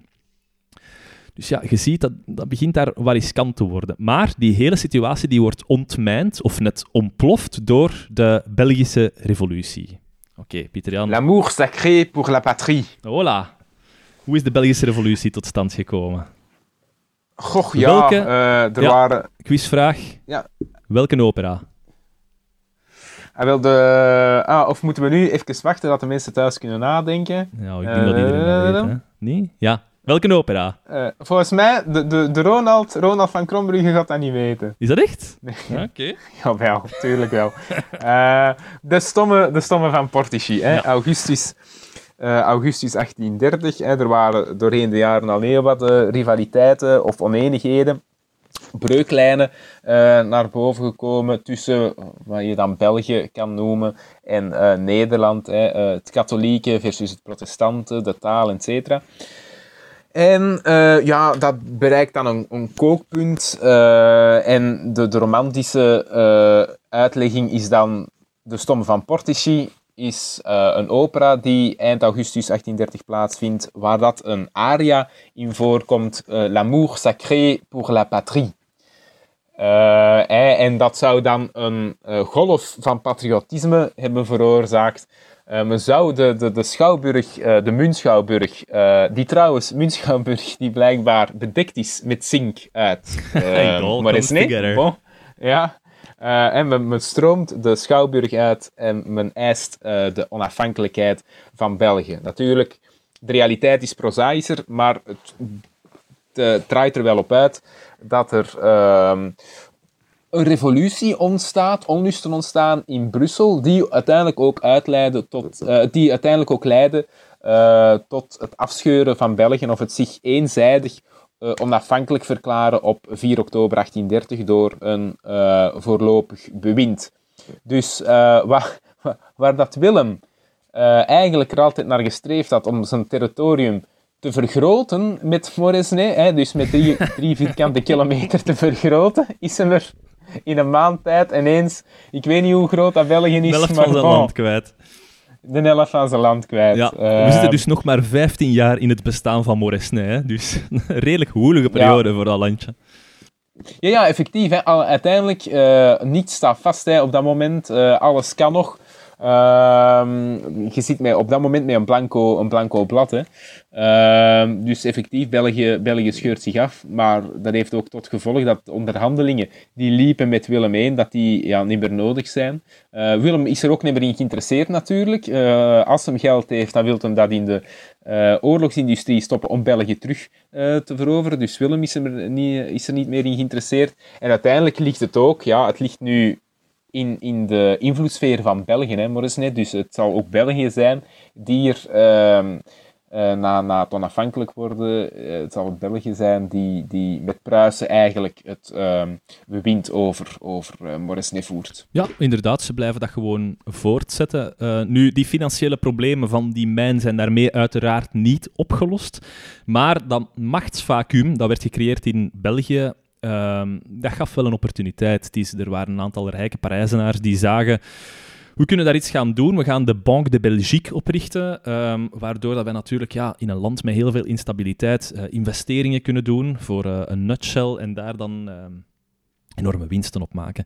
En zij kopen zich voor 5,8 miljoen frank in, in dat kerstvers genoemde Société Anonyme des Mines uh, Effondrie de Zinc.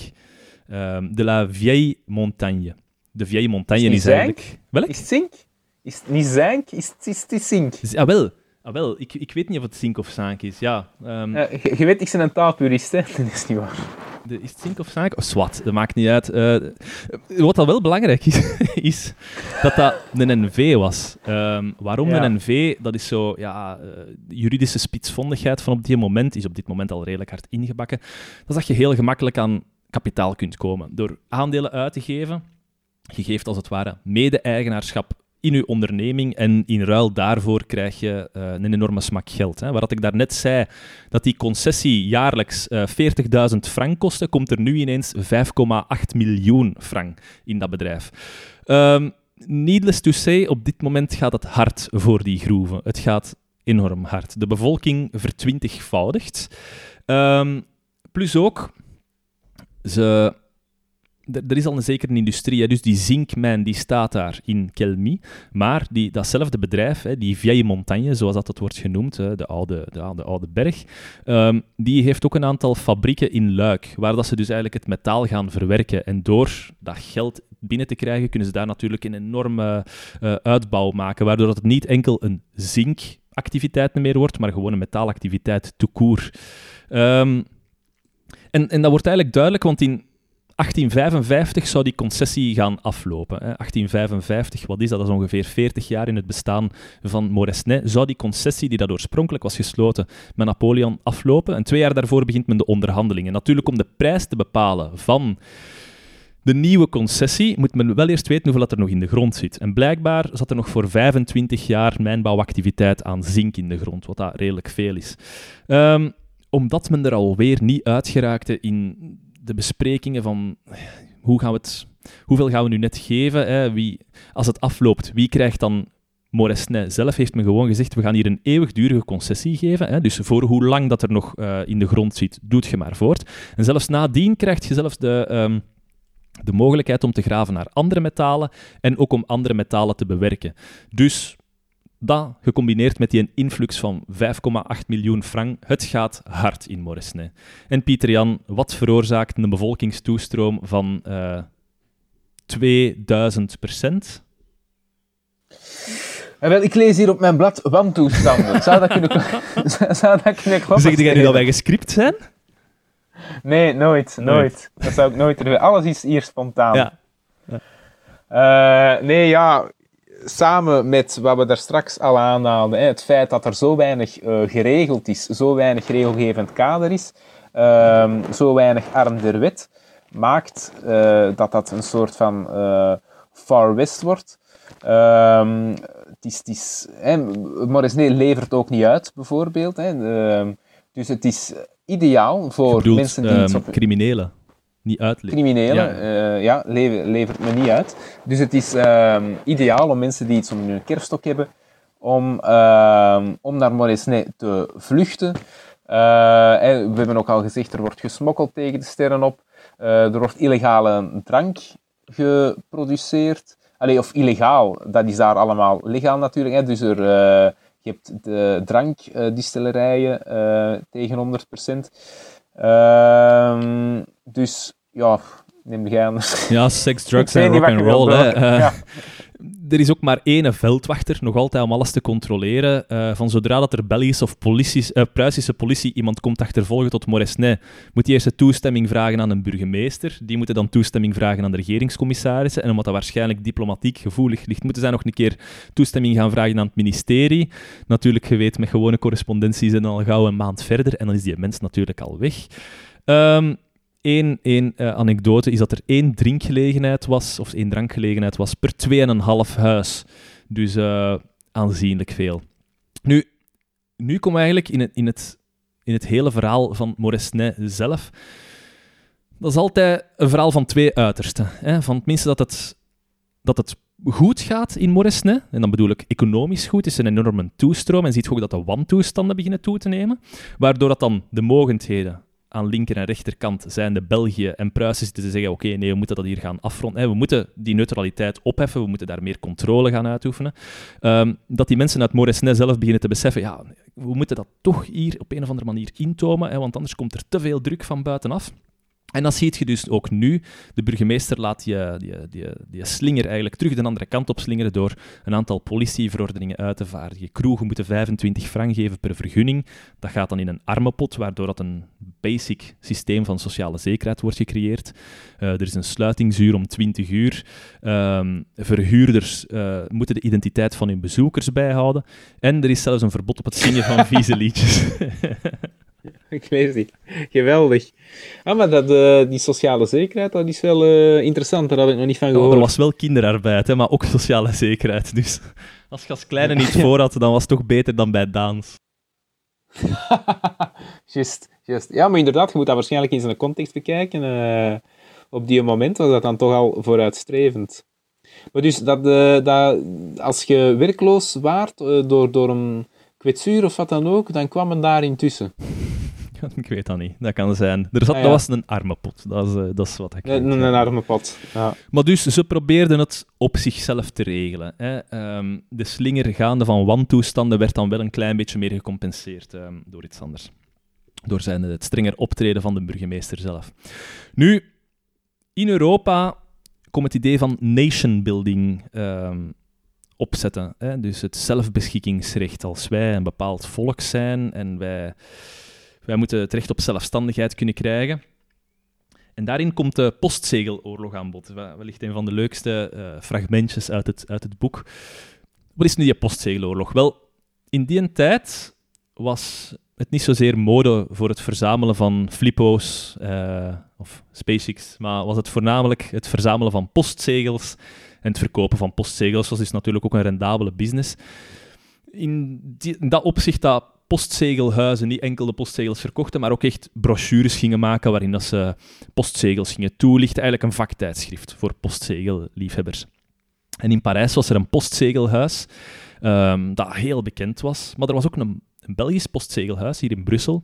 En die verdacht dat Parijse postzegelhuis van plagiaat. Dus stevast werden er artikels overgenomen in de Parijse um, journaal. En die Belgische postzegelhouder, die had daar, of dat postzegelhuis, had daar genoeg van. En die dacht, oké, we gaan eens een test doen. We gaan hier een uh, fictief artikel plaatsen, een 1 april grap bij wijze van spreken. Het zat ook vol met hints, waardoor dat je eigenlijk wel door had dat het over een 1 april grap ging. Het ging over uh, uh, heel veel verwijzingen naar vis, waardoor je al weet, ja, de 1 april vis. Ik weet ook niet of dat zo hard wordt gevierd in, in uh, Frankrijk, dus misschien daarmee. maar dus die Franse postzegelhuis die neemt dat artikel over. En over wat gaat het artikel? Dat gaat over de allereerste postzegel van het neutrale gebied Moresnet. Um, klinkt onschuldig, uh, dus die, in Brussel, die Brusselaar die had bewijs van, voilà, er wordt plagiaat gepleegd, want die postzegel bestaat totaal niet.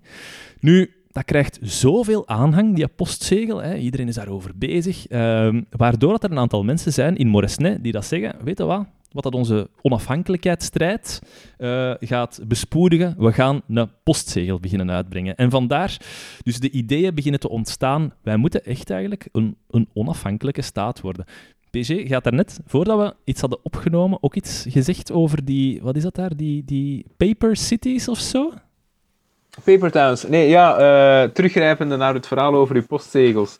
Uh, dat het me daaraan deed denken dat bij het begin van de uh, cartografie, of de, de, de massale cartografie dan, in de 19e eeuw, waar dat men dan wegenkaarten, et cetera, ging uittekenen, dat het blijkbaar ja, kostelijk was. Hè. Het was zeer duur om zo'n kaart uh, uit te tekenen. Um, moest ja, plaatsen bezoeken. Uh, dus dat duurde een hele tijd. En dat, eens dat die kaart bestond, was het heel makkelijk om die gewoon te kopiëren.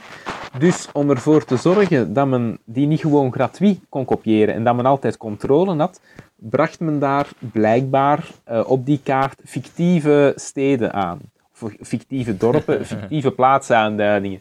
En dus als men, hè, als de concurrent met een kaart kwam uh, en zei van ja nee, hè, we hebben die onafhankelijk opgesteld, uh, we hebben daar zelf uh, moeite in gestoken. Als er natuurlijk die fictieve plaatsjes overnam, dan wist men, zoals hier, hè, ehm, met die fictieve postzegel, die fictieve plaatsjes, dan wist men dat er ehm, stront aan de knikker was.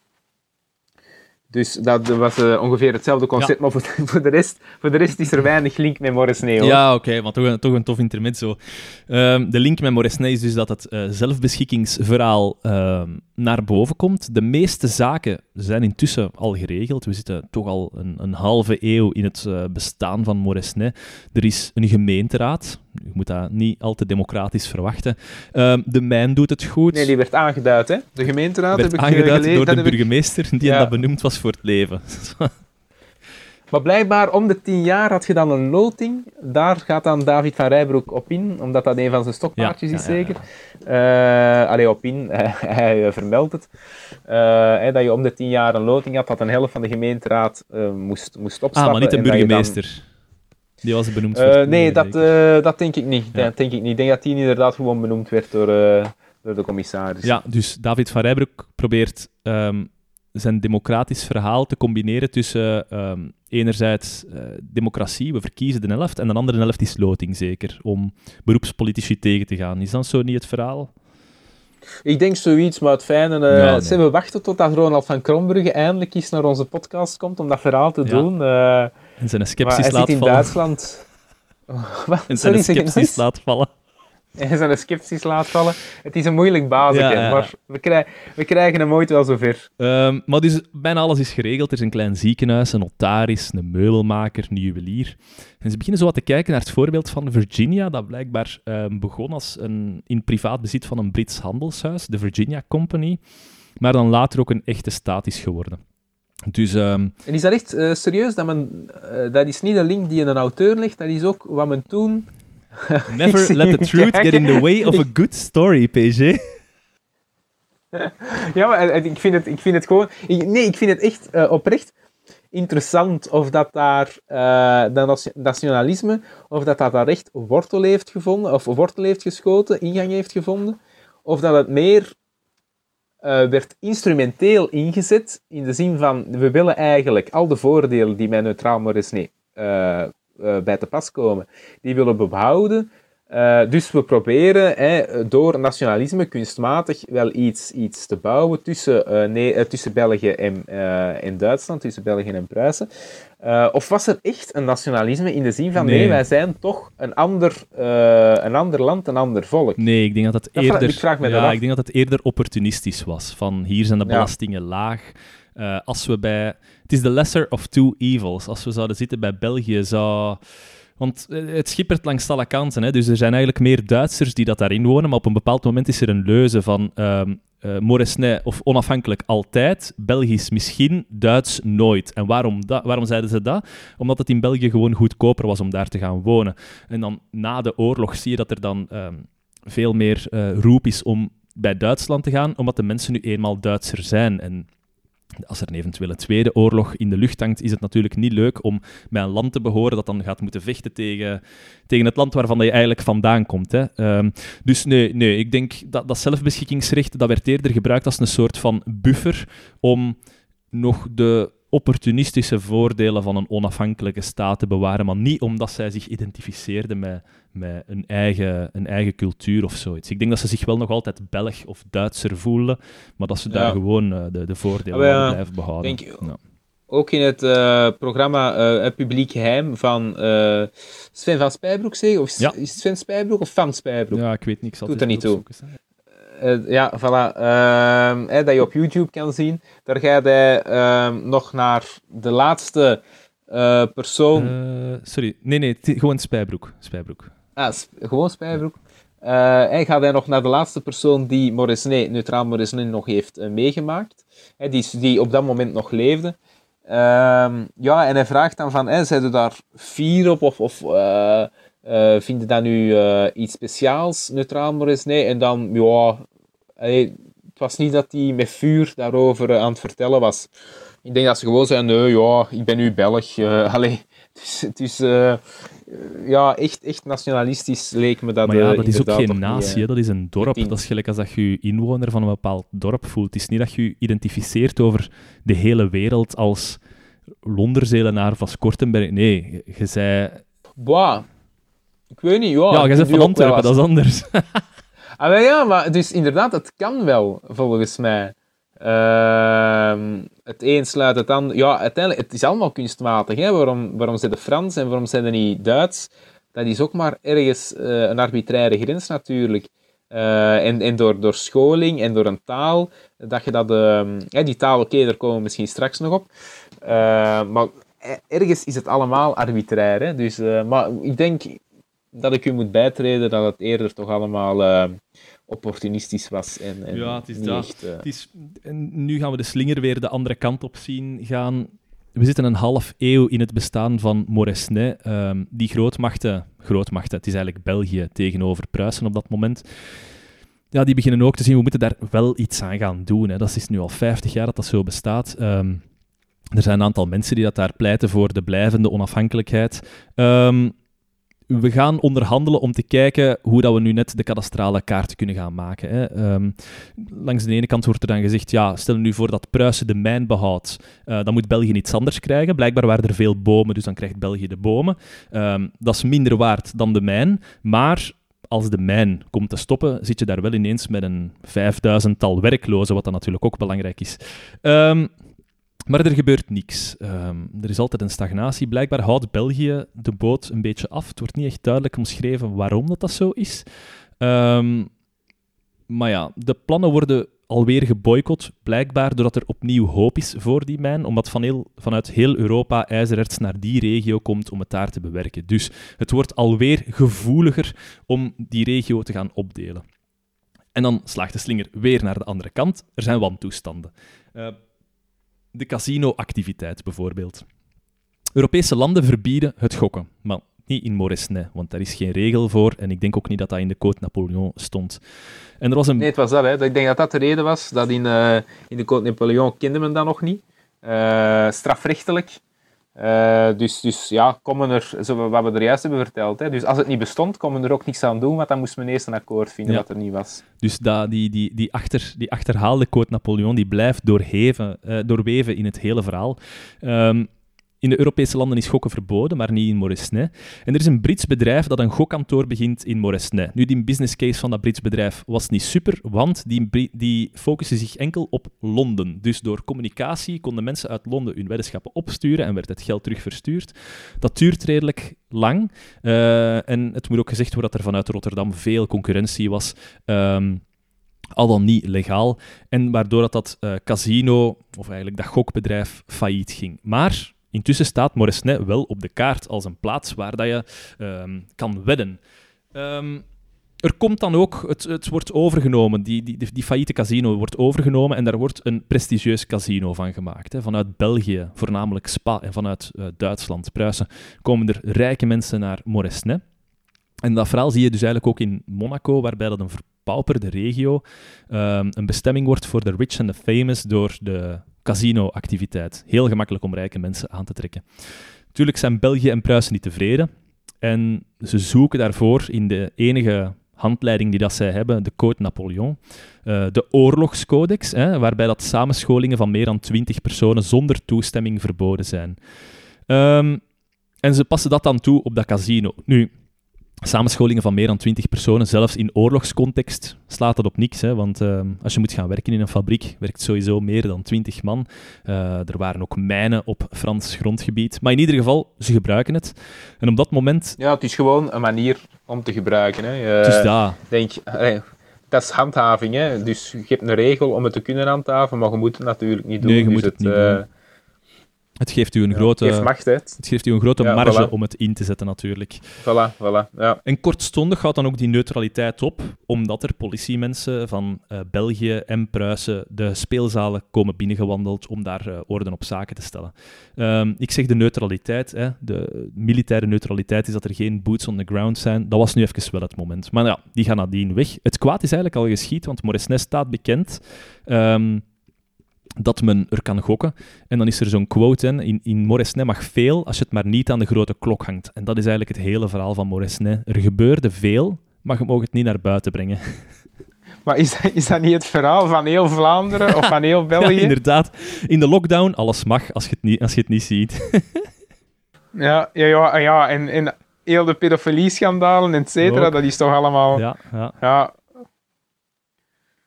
Dat is eh, volgens mij... Alleen misschien dat het gewoon overal natuurlijk Wat is dat? De, dat regel van de vier nu. Hè? Dus ehm, voor eh, onze luisteraars, ik weet niet of dat iedereen ervan op de hoogte is. Ehm, we mogen nu vier andere mensen bezoeken, hè, of vier mensen uitnodigen bij ons thuis. Liefst, eigenlijk, de bedoeling is, we, we smelten twee bubbels samen.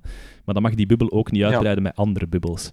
Nu, ik denk dat heel Vlaanderen dat beschouwt als, alright, we're free to go.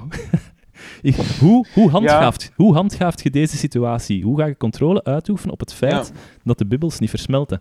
Want op de, Ja. op de niet, niet politieke duidingsshows hoor ik iedereen zeggen, ja, ja, dat gaat mogelijk zijn, maar hoe gaat dat mogelijk zijn? Door het eh, op voorhand te registreren op een bepaald portaal welke familie dat je zou willen zien, maar dan heb je privacyproblemen, dus hoe kun je dat... Ja, ja.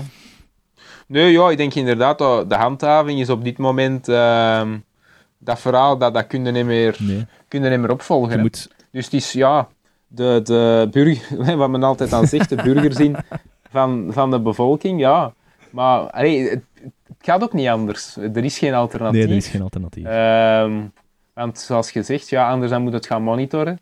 Ehm, en ik denk, ja, als je het hoort, eh, en dat is ook wat we in de aflevering met, met Bruno Herman toen hebben aangegeven, ja, als je hoort naar de bevolking, heel veel mensen hebben het ervoor over. Hè. Eh, meer vrijheid Ja. voor ehm, eh, allerlei trackingmechanismes op hun smartphone of, of eh, camera's, et cetera. Heel veel mensen zouden die ruil heel graag willen, willen doen. Wat natuurlijk ook het gevaar is ehm, ehm, voor, voor, voor onze rechtsstaat. Ja. Maar dus ja, als je dat niet doet, als je dat niet wilt doen, ja, dan is er geen manier om dat te handhaven. Dan is het gewoon te hopen. Nu, pas op, ik denk dat er wel veel mensen... Allee, kijk, kijk naar onszelf. Ja, na, na die zes weken of zeven weken lockdown... De serieus van het probleem ik denk dat de meeste mensen dat wel, wel begrijpen. Ehm, dus ik denk niet dat er enorm veel geknuffeld gaat worden, bijvoorbeeld. Oké, dat, men, dat men zich niet houdt, uh, dat men zich niet houdt aan die uh, specifieke vier man of die een bubbel met bubbel. Dat zou, dat zou natuurlijk kunnen. Um, maar goh, dat men wel ja, de afstanden in, in rekening brengt. Dus ja, we zullen moeten zien. Hè. We zullen moeten zien van het binnen De lockdown lijkt eigenlijk voornamelijk van belang te zijn geweest om onze, de, onze levensstijl te veranderen. Hè. Dat, ja. dat we er fysiek van bewust zijn hoeveel keer dat we ons gezicht aanraken, uh, hoeveel dingen dat we aanraken. Um, je hebt dat nu ook als je naar tv kijkt en je ziet beelden van vroeger, dat iedereen zo samen zit, dan denk je constant, oh. Ja, voilà. voilà. Ja, en ook die lockdown parties. Um, want ik moet zeggen, uh, op het moment toen dat die lockdown parties werden gegeven, ik persoonlijk was niet verontwaardigd. Ik denk, als ik er een had gehad, dat ik ook was gegaan. Omdat ik totaal toen nog niet... Allee, we waren... er was een hele tijd het verhaal verteld Um, omdat we waarschijnlijk niet beter wist. Hè, het, is, een stevige griep. Hè, het, is, iets, is iets uh, dodelijker dan de griep, maar oké, ook niet veel dodelijker. Dat was heel lang het verhaal. Je moet er niet door panikeren, et cetera. En ineens draait dat narratief om. Maar ja, dat zit natuurlijk nog dat is nog niet geïnternaliseerd. Mensen, mensen gedragen, die, uh, gedragen zich daar nog niet naar. Dus ik denk op dat moment uh, vond ik dat ook niet zo raar, zo'n lockdown party. Uh, nu, hè, nu na, na zes, zeven weken, nu is dat wel anders. Dus ik denk, ja, de, de, de mensen, uh, de mentaliteit van de mensen is, is wel voor een groot deel Dat vond ik het grootste, het grootste verschil toen dat Mark van Ranst helemaal in het begin zei, hierna zullen mensen elkaar niet zomaar meer een hand geven. En ik dacht, wow, dat geloof ik echt niet, dat geloof ik niet. Maar nu denk ik echt wel dat dat erin zit, um, dat dat dat iedereen daar veel bewuster mee gaat omgaan. Ik, uh, ja, zwart. zwart. Ja, zolang dat we geen uh, vaccin hebben. Uh, ja, zal dat wel moeten. Waarschijnlijk wel, ja. Um, Pruisen. het is Pruisen niet ontgaan dat er uh, Mark van, dat Mark van Ranst heeft gezegd. Een naadloze overgang. Ja. En Pruisen maakt een zwart boek met alle quotes van Mark van Ranst. Um, nee, um, er wordt een zwart boek gemaakt door Pruisen. We gaan eens even oplijsten wat er hier allemaal gebeurt. En om gewoon een voorbeeld te geven, er werd gesmokkeld. Alcohol werd er gesmokkeld, omdat het in Moresnet goedkoper was dan buiten Moresnet, werd er alcohol gesmokkeld. En er werden fietsen in beslag genomen met waterdichte frames, waarin dat dan arbeiders op het einde van hun werkdag in Moresnet alcohol konden ingieten en dan terug naar huis fietsen buiten Moresnet. Uh, smokkelbendes van 15 tot 50 man. Een gebrek aan democratie, de burgemeester die voor het leven wordt genoemd, benoemd en die kiest zelf zijn gemeenteraadsleden. Kinderarbeid, de volksgezondheid die achteruit gaat door middel van tyfus, difterie, uh, roodvonk. Allemaal namen die ik ken, maar ik weet totaal niet wat ze betekenen. Uh, en dan... Nee, ik zou het niet graag hebben, maar voor de ja, rest... nee, uh... en dan staat er ook ergens iets in, de bedrijfsmatige aanname van stiefkinderen. En dat is blijkbaar mensenhandel. Hè? Ongehuwde zwangere meisjes die dat daar dan komen bevallen en dat de kinderen dan in Moresnet blijven. Ja, ah, wel, dat is inderdaad een insteek van het uh, verhaal van David van Rijbroek. Ja. Die volgt zo'n uh, zo'n kind eigenlijk dat daar dan opgroeit in een pleeggezin. Ja. Um, ja. En van daaruit Sorry, vertelt hij het hele verhaal van Moresnet en de wantoestanden, of, of op wat gaat hij dan voornamelijk uh, Ja, het is natuurlijk het is, het is beperkt, hè, uh, maar dat is het kleine verhaal dat hij vertelt. Uh, en dan gaat hij inderdaad wel heel kort in op het ontstaan van, van neutraal Moresnet. En ook ja, na het einde van Moresnet, alleen op, eigenlijk grensgebieden, hè, mensen die op de grens leven.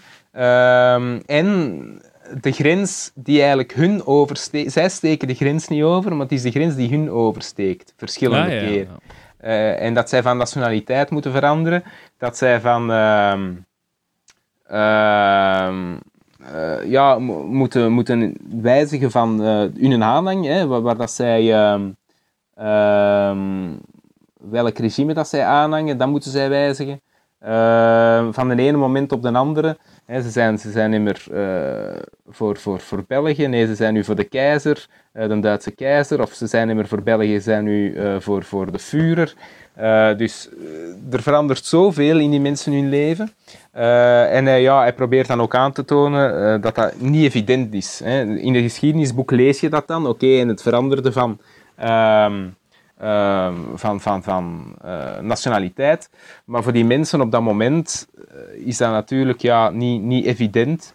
Eh, en weegt dat, kan dat ook wel wegen op, op die mensen. Dat is wat hij denk ik wel overtuigend aantoont. Wat je misschien soms vergeet, hè, als je gewoon de grote lijnen zit te bekijken, dat daar nog altijd mensen...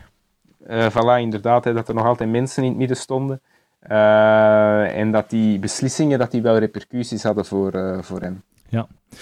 Um, een ander element op die zwarte lijst is dat die Code Napoleon echt achterhaald is geweest. Um, de, de, strenge Code Penal, um, valsmunterij bijvoorbeeld. Er was iemand die dat probeerde met valse munten te betalen in Pruisen, maar ze, ze hadden schrik dat ze hun door hadden. Dus is dat gezin dan even naar Moresnet gegaan, hebben ze het daar opnieuw geprobeerd. En die man die dat eigenlijk geprobeerd heeft om met dat geld te betalen in Pruisen, die kreeg 20 dagen gevangenisstraf. En de vrouw die dat geprobeerd heeft in Moresnet, die kreeg 405 dagen gevangenisstraf. Dus 20 keer zoveel. Weegt dus totaal niet tegen elkaar op. Dus België en Pruisen komen opnieuw samen, maar alweer gebeurt er niks. Burgemeester grijpt ook, uh, grijpt ook terug in sluiting van de, distil, uh, van de distilleerderijen. Oh my god, ik kan dat niet uitspreken, zeg. Je hebt dat goed gedaan. Openbare werken, afwatering, de bouw van een school, een elektriciteitscentrale enzovoort. En dan komt het verhaal van Dr. Esperanto. Kun jij mij het verhaal van Dr. Esperanto eens uitleggen, PG? Goh, ah, wel, dat is uh, op die golf hè, van nationalisme Um, men, men, gaat uh, een eigen munt en wat is het allemaal? Een eigen volkslied, uh, daar komen dan Sibiet ook nog op. Hè. Dus uh, men probeert een eigen identiteit te geven aan, aan die drie vierkante kilometer wat Neutraal Moresnet is. En een van die manieren is natuurlijk ook een eigen taal. Nu, op hetzelfde moment, einde van de 19e eeuw, ehm, zit je daar met inderdaad een dokter, uh, dokter Zamenhof, uh, ergens uit ja, eh, Pool, Polen, Litouwen, dus ergens in die grensstreek. Bialystok of zoiets, denk ik dat hij geboren Ik weet niet of ik het juist Bialystok, ja. Bialystok, voilà. en die heeft een, die is geobsedeerd door talen. Hè. Die spreekt zelf een, een, een zevental talen, Latijn, Grieks, Russisch, allee, noem maar op. Ehm, Zo'n zo beetje zoals ik mijn talen spreek. Dat is niet waar. Ehm, en die uh, heeft een ideaal. Hè, die zie inderdaad talen, nationalisme, dat verdeelt toch heel vaak um, mensen. Dus kan potentieel voor oorlogen zorgen. Hè. We zouden dan in 1914 zien hoe, hoe erg dat, dat zou worden. maar dus door een eengemaakte cultuur en een eengemaakte taal kunnen we misschien uh, de volkeren dichter bijeenbrengen.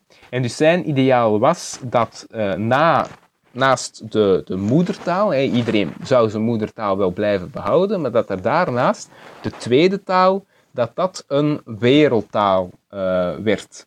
En dat werd dan het Esperanto. Dus hij is dan zelf een taal gaan uitvinden. Hij is dan ja, gaan kijken naar de taalfamilies die bestonden. Um, en hij heeft daar regels uit gedistilleerd. En hij heeft eigenlijk een heel gemakkelijke uh, taal uitgevonden, het Esperanto.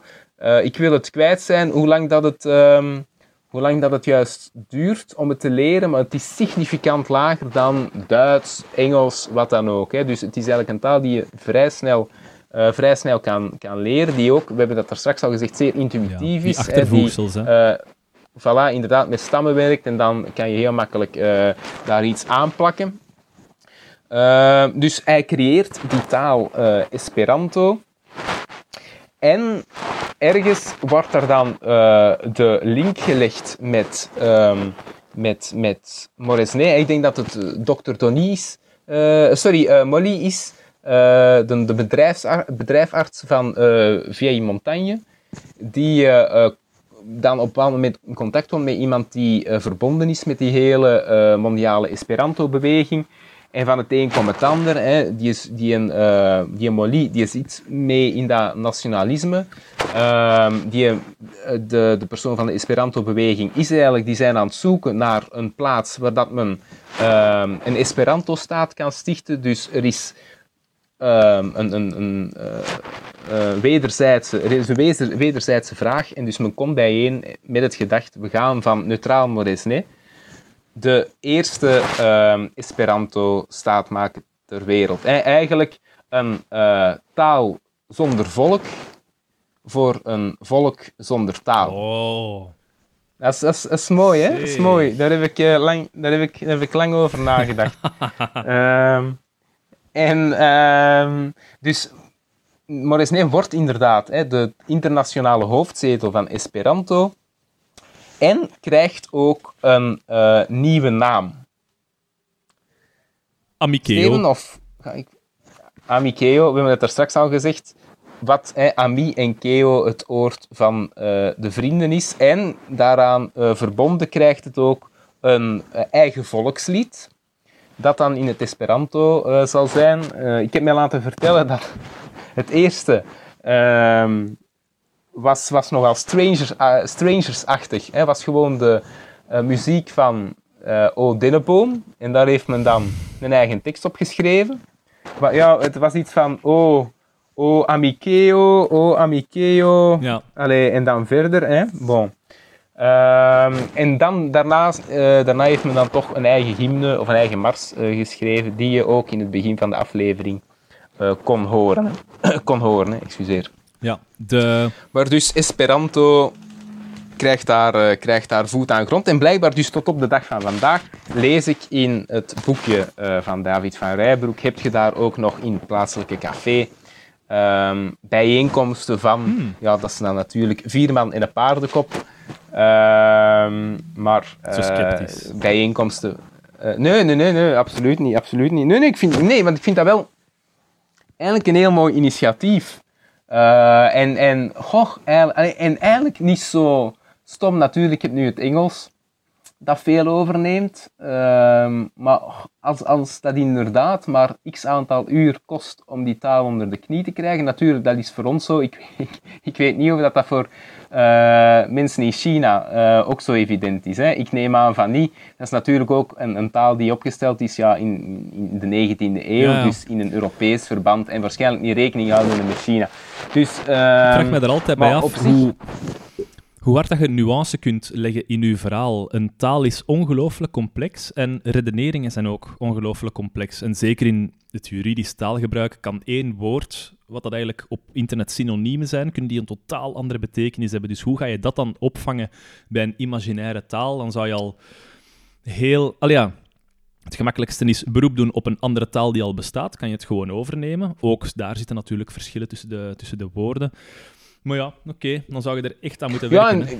het, het is een evolutief gegeven, denk ik ook. Hè? Want als wij ehm, eh, Frans eh, spreken, eh, die, die vijf zinnen die ik dan kan, dan kan ik me natuurlijk ook niet op dezelfde manier uitdrukken als in het, als in het Nederlands.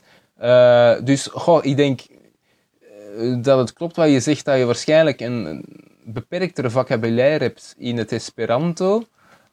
Maar stel nu dat daar echt eh, mensen op een mondiale schaal dat zouden beginnen praten, omdat er echt veel meer mensen dat zouden beginnen eh, eh, spreken, dan neem ik aan dat die nuances daar wel gewoon in komen. Ehm, dus het is ergens een kunstmatige start, dat, dat klopt wel. Ehm, maar ja, dat wil niet zeggen dat het niet kan uitgroeien tot een... natuurlijk, ja, het zal, het zal nooit gebeuren, vermoedelijk. Hè. Het was blijkbaar ook ehm, een idee om het de officiële taal te maken van de Volkerenbond na de Eerste Wereldoorlog. eh, om het daar eh, als, als officiële taal te gebruiken, maar daar waren de Fransen dan en de Engelsen tegen, denk ik. de Fransen die Eh, moeten niet al ja. te veel hebben van een andere taal. Nee, het is dat, hè, het is dat. Ehm, dus dat is, nooit, dat is nooit gebeurd. Maar ja, ergens, allee, het, is, het is wel natuurlijk een, een charmant idee. Ja. Maar ik weet zelfs niet zeker of dat ehm, die commissie, hè, dat, deed dan, eh, dat is eigenlijk het centrale bureau voor de Universele Esperanto-vereniging op Heden in Rotterdam, of die daar ooit heeft dat die daar ooit effectief is geïnstalleerd. Want dat was een periode net voor de Eerste Wereldoorlog, met enorm veel politieke gevoeligheden. En blijkbaar was er dan een element, eh, een, een, kleine aanleiding geweest tot een enorme storm. Namelijk dat eh, de burgemeester niet wou toela- toelaten dat er een telefoonlijn werd aangelegd van België naar Moresnet. Ehm, to- totaal niet duidelijk waarom, omdat ehm, Ja. omdat er in, dat land, eh, omdat er in Moresnel verschillende telefoonleidingen waren. In ieder geval, dat heeft aanleiding gegeven tot een soort van politieke storm. En dan heeft die Esperanto-vereniging, denk ik, gezegd, ja, dan is het voor ons eigenlijk, we, gaan, ons, we gaan ons handen daarvan afhouden, want het is precies toch allemaal iets te gevoelig. En dan breekt de Eerste, de eerste Wereldoorlog uit, de Grote Oorlog. Uh, op 3 augustus 1914 beginnen de Duitsers met het uh, Schlieffenplan. Sorry? 3, 4 augustus. 4 augustus? Ja, 4 ah, augustus. sorry, sorry. Ze, ze, vallen, ze vallen binnen in België uh, op 4 augustus okay. via Gemini. 4 augustus uh, het Schlieffenplan, de opmars door België naar Frankrijk. En de Duitsers hadden... Allee, ze zeiden dat ze België niet aanvielen, maar dat ze um, de Duitsstalige gemeenschap, um, waaronder dus ook Moresnet, ter hulp kwamen. En om het transport van het Roergebied naar het front te vergemakkelijken, werd er een tunnel gemaakt door de Vaalsberg, uh, Valserberg, sorry, wat dat je dus vandaag ook nog kan zien, en het enorm viaduct boven het Geuldal. Dus als je ooit eens naar Kelmis gaat, zal je die twee elementen wel zien, die tunnel en dat enorm viaduct, waarbij er blijkbaar ook wel wat mensen zijn gestorven. Um, In de Eerste Wereldoorlog? Nee. Bij de, bij de maak van die tunnel en dat, en dat viaduct. okay. Zo lach je met de Eerste Wereldoorlog. Wij waren er met de, met de herdenking van 100 jaar uh, wapenstilstand. Hè? In Ieper. Dat is echt nog altijd een van de, van de hoogtepunten. Ja. Ja, nee, dat vond ik echt heel, heel uh, impressionant. Ja, dat was um, heel Ieper, zat vol met Engelsen uiteraard. dat, was, dat was wel dat is wel een grappige anekdote. Wij, dus, ja, we, we, waren daar aan het kamperen en we gingen fietsen en we gingen alle verschillende graven aan elkaar koppelen met de fietstocht. Het was super hard aan het regenen en we waren er totaal niet op voorzien. Ja.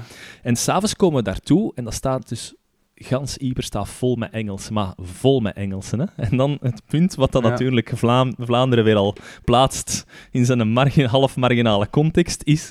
Dus daar wordt een herdenking gehouden voor 100 jaar wapenstilstand. En een kwartier daarvoor zitten ze daar op groot podium Sinterklaasliedjes te zingen. Dus je moet je dat inbeelden bij andere mensen. Dat waren dus ook nog roetpiet. Nee, geen roetpiet. Dat waren echt nee, zwarte echt. pieten. Dus een volle bak zwarte pieten. Een gans podium vol. En die waren Sinterklaasliedjes aan het zingen. Dus als je daar als Engelse of Amerikaan toekomt en je ziet daar een podium vol zwart geschminkte mensen en die zijn kinderliedjes aan het zingen op een kwartier voordat de ceremonie gaat beginnen, ja, dat, dat, dat snap ik niet. Dat het bestuur daar niet in heeft gezegd, jongens, er is hier volgens mij een overlapping tussen vergunningen, laten we ons dan een dag uitstellen. Ja, dat was inderdaad enorm. En om klokslag 8 uur. Ja, dat vond ik echt het meest impressionante van eigenlijk heel de ceremonie. Uh, nog, nog mooier dan de Last Post, et cetera, wat natuurlijk op zich al zeer indrukwekkend is. Maar het feit, zoals gezegd, gehoord uh, de klok, 8 uur, op een seconde, het is niet dat dat uit, was aan het uitsterven, hè, 10 seconden van oké, minder en minder en minder, zoals je in Schouwburg hoort of wat dan ook. Nee, up, gedaan, geluid. Dat was ja, echt werkelijk uh, quasi om kippenvel van te krijgen. Ja, zeker en vast. Um, ja, na de wapenstilstand um, komen ze in Versailles samen om de toekomst van Europa te bepalen. En misschien kunt jij daarin uh, overnemen? Goh, ja. Uh, dus uh, misschien om het contrast te duiden, ehm, waar dat Wenen hè, eigenlijk een zeer succesvol verdrag is geweest, of een succesvol congres is geweest, dat de 100 jaar voor stabiliteit heeft gezorgd, natuurlijk je hebt wel wat proxy wars, de Krimoorlog en de Frans-Duitse oorlog, maar dat zijn eigenlijk allemaal gezien, uh, relatief, of relatief gezien, zijn dat bescheiden conflicten geweest. Uh, dus dat was eigenlijk wel een, een, een goede vrede, ook omdat het, uh, het kernwoord daar was machtsevenwicht. Hè. Men heeft daar toen, verdrag van Wenen, men heeft daar ook Frankrijk uitgenodigd. En Frankrijk zat mee aan de tafel. Dus dat was geen punitieve vrede. Het verdrag van Versailles is helemaal anders. Hè. Blijkbaar heeft men de lessen daar dan toch niet uit uh, getrokken. Het was een punitieve vrede, waar men in het beruchte uh, artikel 321, ik heb dat gisteren nog opgezocht, voor alle duidelijkheid, uh, het is niet dat dat parate kennis is, in het artikel 321, het zou trouwens ook 213 kunnen zijn. bon, het is iets, niemand gaat u erop pakken, 2, hoor. Het is iets met 1, 2 en 3. of 2, pak, met 213. Uh, waar dat men de schuld voor de Eerste Wereldoorlog, voor het uitbreken van de Eerste Wereldoorlog, integraal bij uh, Duitsland ligt. en dan ook met de herstelbetalingen, het afpakken van grondgebied.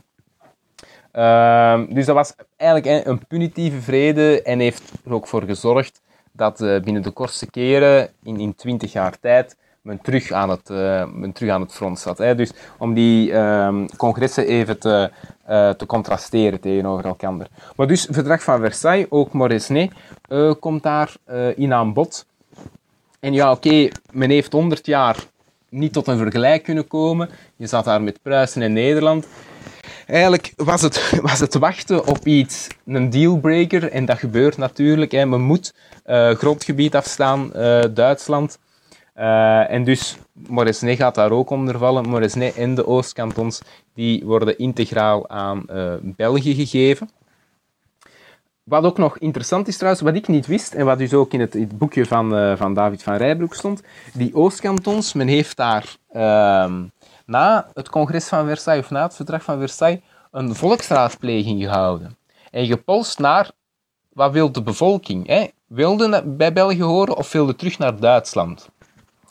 Nuance wel dat men uh, maar op twee plaatsen kon gaan stemmen en dat stemmen niet geheim was. dus het, het, uh, het was het nogal... succes van elke verkiezing. Ja. ja. Sorry, het succes van elke verkiezing. Ja, het succes van elke verkiezing, voilà. Dus er werd nogal mee gesjoemeld. Maar dat was een aspect dat ik eigenlijk uh, niet wist, dat men nog een volksraadpleging daar heeft, uh, daar heeft gehouden. Maar dus uh, Moresnet komt bij België en houdt eigenlijk op te, te, bestaan als, als een Want België moest wel iets krijgen. Hè? Er was hier enorme schade aan infrastructuur. De oorlog is ook grotendeels uitgevochten in België. Fabrieken werden hier ontmanteld en verplaatst naar Duitsland. Maar België kon ook niet te veel krijgen. België is een klein land. Um, het zou... Ja, niet te doen zijn om dat land bijna met een helft uit te breiden aan Duitse gebieden, waarbij dat dan een enorme toe... ja, het percentage van Duitse bevolking in uw grondgebied zou gewoon veel te groot zijn. Dus heeft men dat dan gehouden op Eupen, Malmedy en Saint-Vith. Nu, Eupen heeft quasi geen Franstalige inwoners, Malmedy wel. Dus de vraag is, ja, waarom zit Eupen daar dan bij?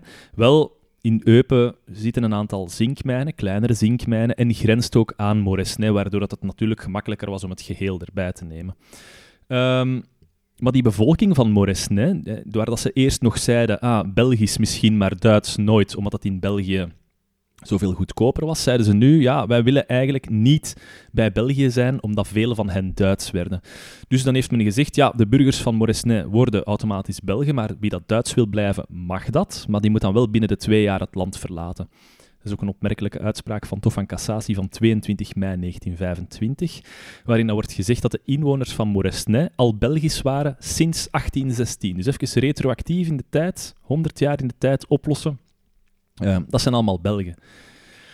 Probleem komt er, ja, die Nederlanders die zeggen ook, wij willen, die Nederlanders dat in Moresnet wonen, wij willen geen Nederlanders zijn, want stel je nu voor dat er een nieuwe oorlog uitbreekt en wij moeten tegen Nederland vechten of zo, dan zouden de Nederlandse mensen in Moresnet, die dat dan Belg worden, moeten vechten tegen Nederland. Um, dus dan heeft men een oplossing gezocht. Op papier zijn die wel Belgisch, maar die mogen gratis, onmiddellijk en met voorrang herneutraliseren tot um, neutraliseren. Naturaliseren, hernaturaliseren tot uh, Nederlander. Dus dat is zo de oplossing die dat men daar heeft gezocht. Ik denk 1920 was de inwerkingtreding van uh, het verdrag van Versailles. En dat wordt dan ook beschouwd als de officiële einddatum van, uh, van het bestaan van uh, neutraal Moresnet. Ik denk dat zoiets is. Hè? Ja. En, wat vond ervan? Van Moresnet? Uh, ja, wel een uh, interessant verhaal. Dus ik, ik blijf verwonderd uh, over het feit dat er zoveel over bestaat. Ja. Dat dat landje eigenlijk toch nog altijd tot de verbeelding blijft spreken.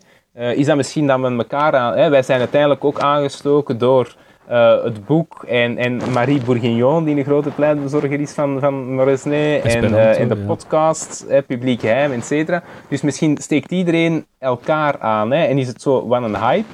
Uh, dat dat de reden is, maar ja, het is, het is, het is raar dat er nog zoveel um, over te doen is over neutraal Moresnet, want uiteindelijk, ja, goh, het belang is, is drie keer niks. Nee, hè? Ik, ik vond het voornamelijk... Allee, ja, want het verhaal zelf, je hebt het gehoord als luisteraar, dat is gewoon die, die slinger dat aan de ene kant naar wantoestanden gaat, aan de andere kant meer druk van de twee landen. Um, het is eigenlijk het is eigenlijk tof om te zien hoe dat zo'n mini-staat kan bestaan. En dan het belangrijkste, in die internationale politiek over die eeuw. Het is eigenlijk die internationale politiek over die eeuw die dat belangrijk is. En dan dat zien gecombineerd, uh, gecombineerd zien met het economische belang, waar dat die landen ook voor gaan. Want wij denken altijd aan macht en aan territorium, maar het gaat voornamelijk ook over... Het, het kan gaan over één fabriek, over één mijn. Daarover kan het gaan. En hoe banaal dat dat is. Alleen dat twee mhm. landen daar echt voor lijnrecht tegenover elkaar kunnen staan voor één mijn, die dat dan weliswaar heel belangrijk is. Want op een bepaald moment lag er blijkbaar zelfs Belgische zink op de Amerikaanse daken, maar toch, toch, ja. om daarvoor al dan niet mm. vredesgesprekken te laten beïnvloeden, vind ik toch wel heavy. Ja, en je vindt het raar dat dat een eerst, de, de enige... Uh, het enige bron van conflicten zou zijn. Hè. Ik neem aan, als men heel die grens daar uittekent, dat men toch nog op ehm, bepaalde, bepaalde grondgebieden is gestoten die, die rijk zijn aan reserves. Allee, zouden denken. ik denk dat hier dus, het voordeel ja, was, doordat het neutraal was en dat er geen dienstplicht was, dat er een mengelmoes was van verschillende nationaliteiten, waardoor dat je niet hebt dat er een minderheid wordt... Ja, gelijk als dat, dat altijd gaat hè, in de geschiedenis, als er een minderheid wordt, dan wordt die misbruikt en dan wordt die uh, achtergesteld, wat dat hier niet echt het geval was. Uh, het is een neutraal gebied, verschillende nationaliteiten wonen samen en conflict qua nationaliteiten, dat kwam eigenlijk nooit naar voren hè, in het verhaal van Moresnet. Het was meer ja, zatte mensen die met elkaar op de vuist gingen. En, uh, maar, ja. ja, inderdaad. Ja. En, en gaat ja, ook geen gemeenteraad of, allee, of geen democratisch verkozen gemeenteraad. Dus het, uh, het gezag ging uit van de burgemeester. Dus ja, het was ook niet dat er mensen tegenover... Allee, of groepen tegenover elkaar konden staan in het uitoefenen van de macht. Want men, men, men kon niet deelnemen aan de macht. Dus eh, lukte, is een van de succesverhalen dat het op kleine schaal is gebleven volgens u? Ja, dat denk ik wel. Allee, het uitrollen, dus wat die anarchisten... Uh, eh, Even transponeren op een bevolking van een land. Ah, ja, voilà. Dus ik, ik denk dat er wel... Allee, als ik nog Rutger Bregman bezig hoor over uh, idealen, anarchistische idealen en zo, dan vind ik dat dan wel, wel interessant. Uh, en, en, en thought-provoking, uh, dus dat het u uitdaagt. Maar zo in die podcast die ik van die Amerikaan heb gehoord, even kort door de bocht, het marcheerde daar. Dus zie, anarchie werkt. Ja, dat vind ik dan, dat vind ik dan een belachelijke, belachelijke redenering. Ja, het werkte ook enkel omdat het, um, het hand boven het hoofd werd gehouden door... zeg je dat zo? Het hand boven het hoofd werd gehouden door twee door twee grootmachten in, uh, in Europa. Hè? Doordat die zeiden, jij ja, blijft bestaan, want ja. die veldwachter gaat geen invasie tegenhouden, hoor. nee, dat is juist, dat is juist. Nee, effectief. Oké. Okay, um, ehm, ik uh, ben uitgepraat, ik, Steven. Ik um, ben eens aan het denken. Het is... Hebben we al een onderwerp voor uh, de volgende aflevering? Nee, hè? Uh, nee, nee. Denk er een beetje vanaf hoe dat gaat evolueren, zeker.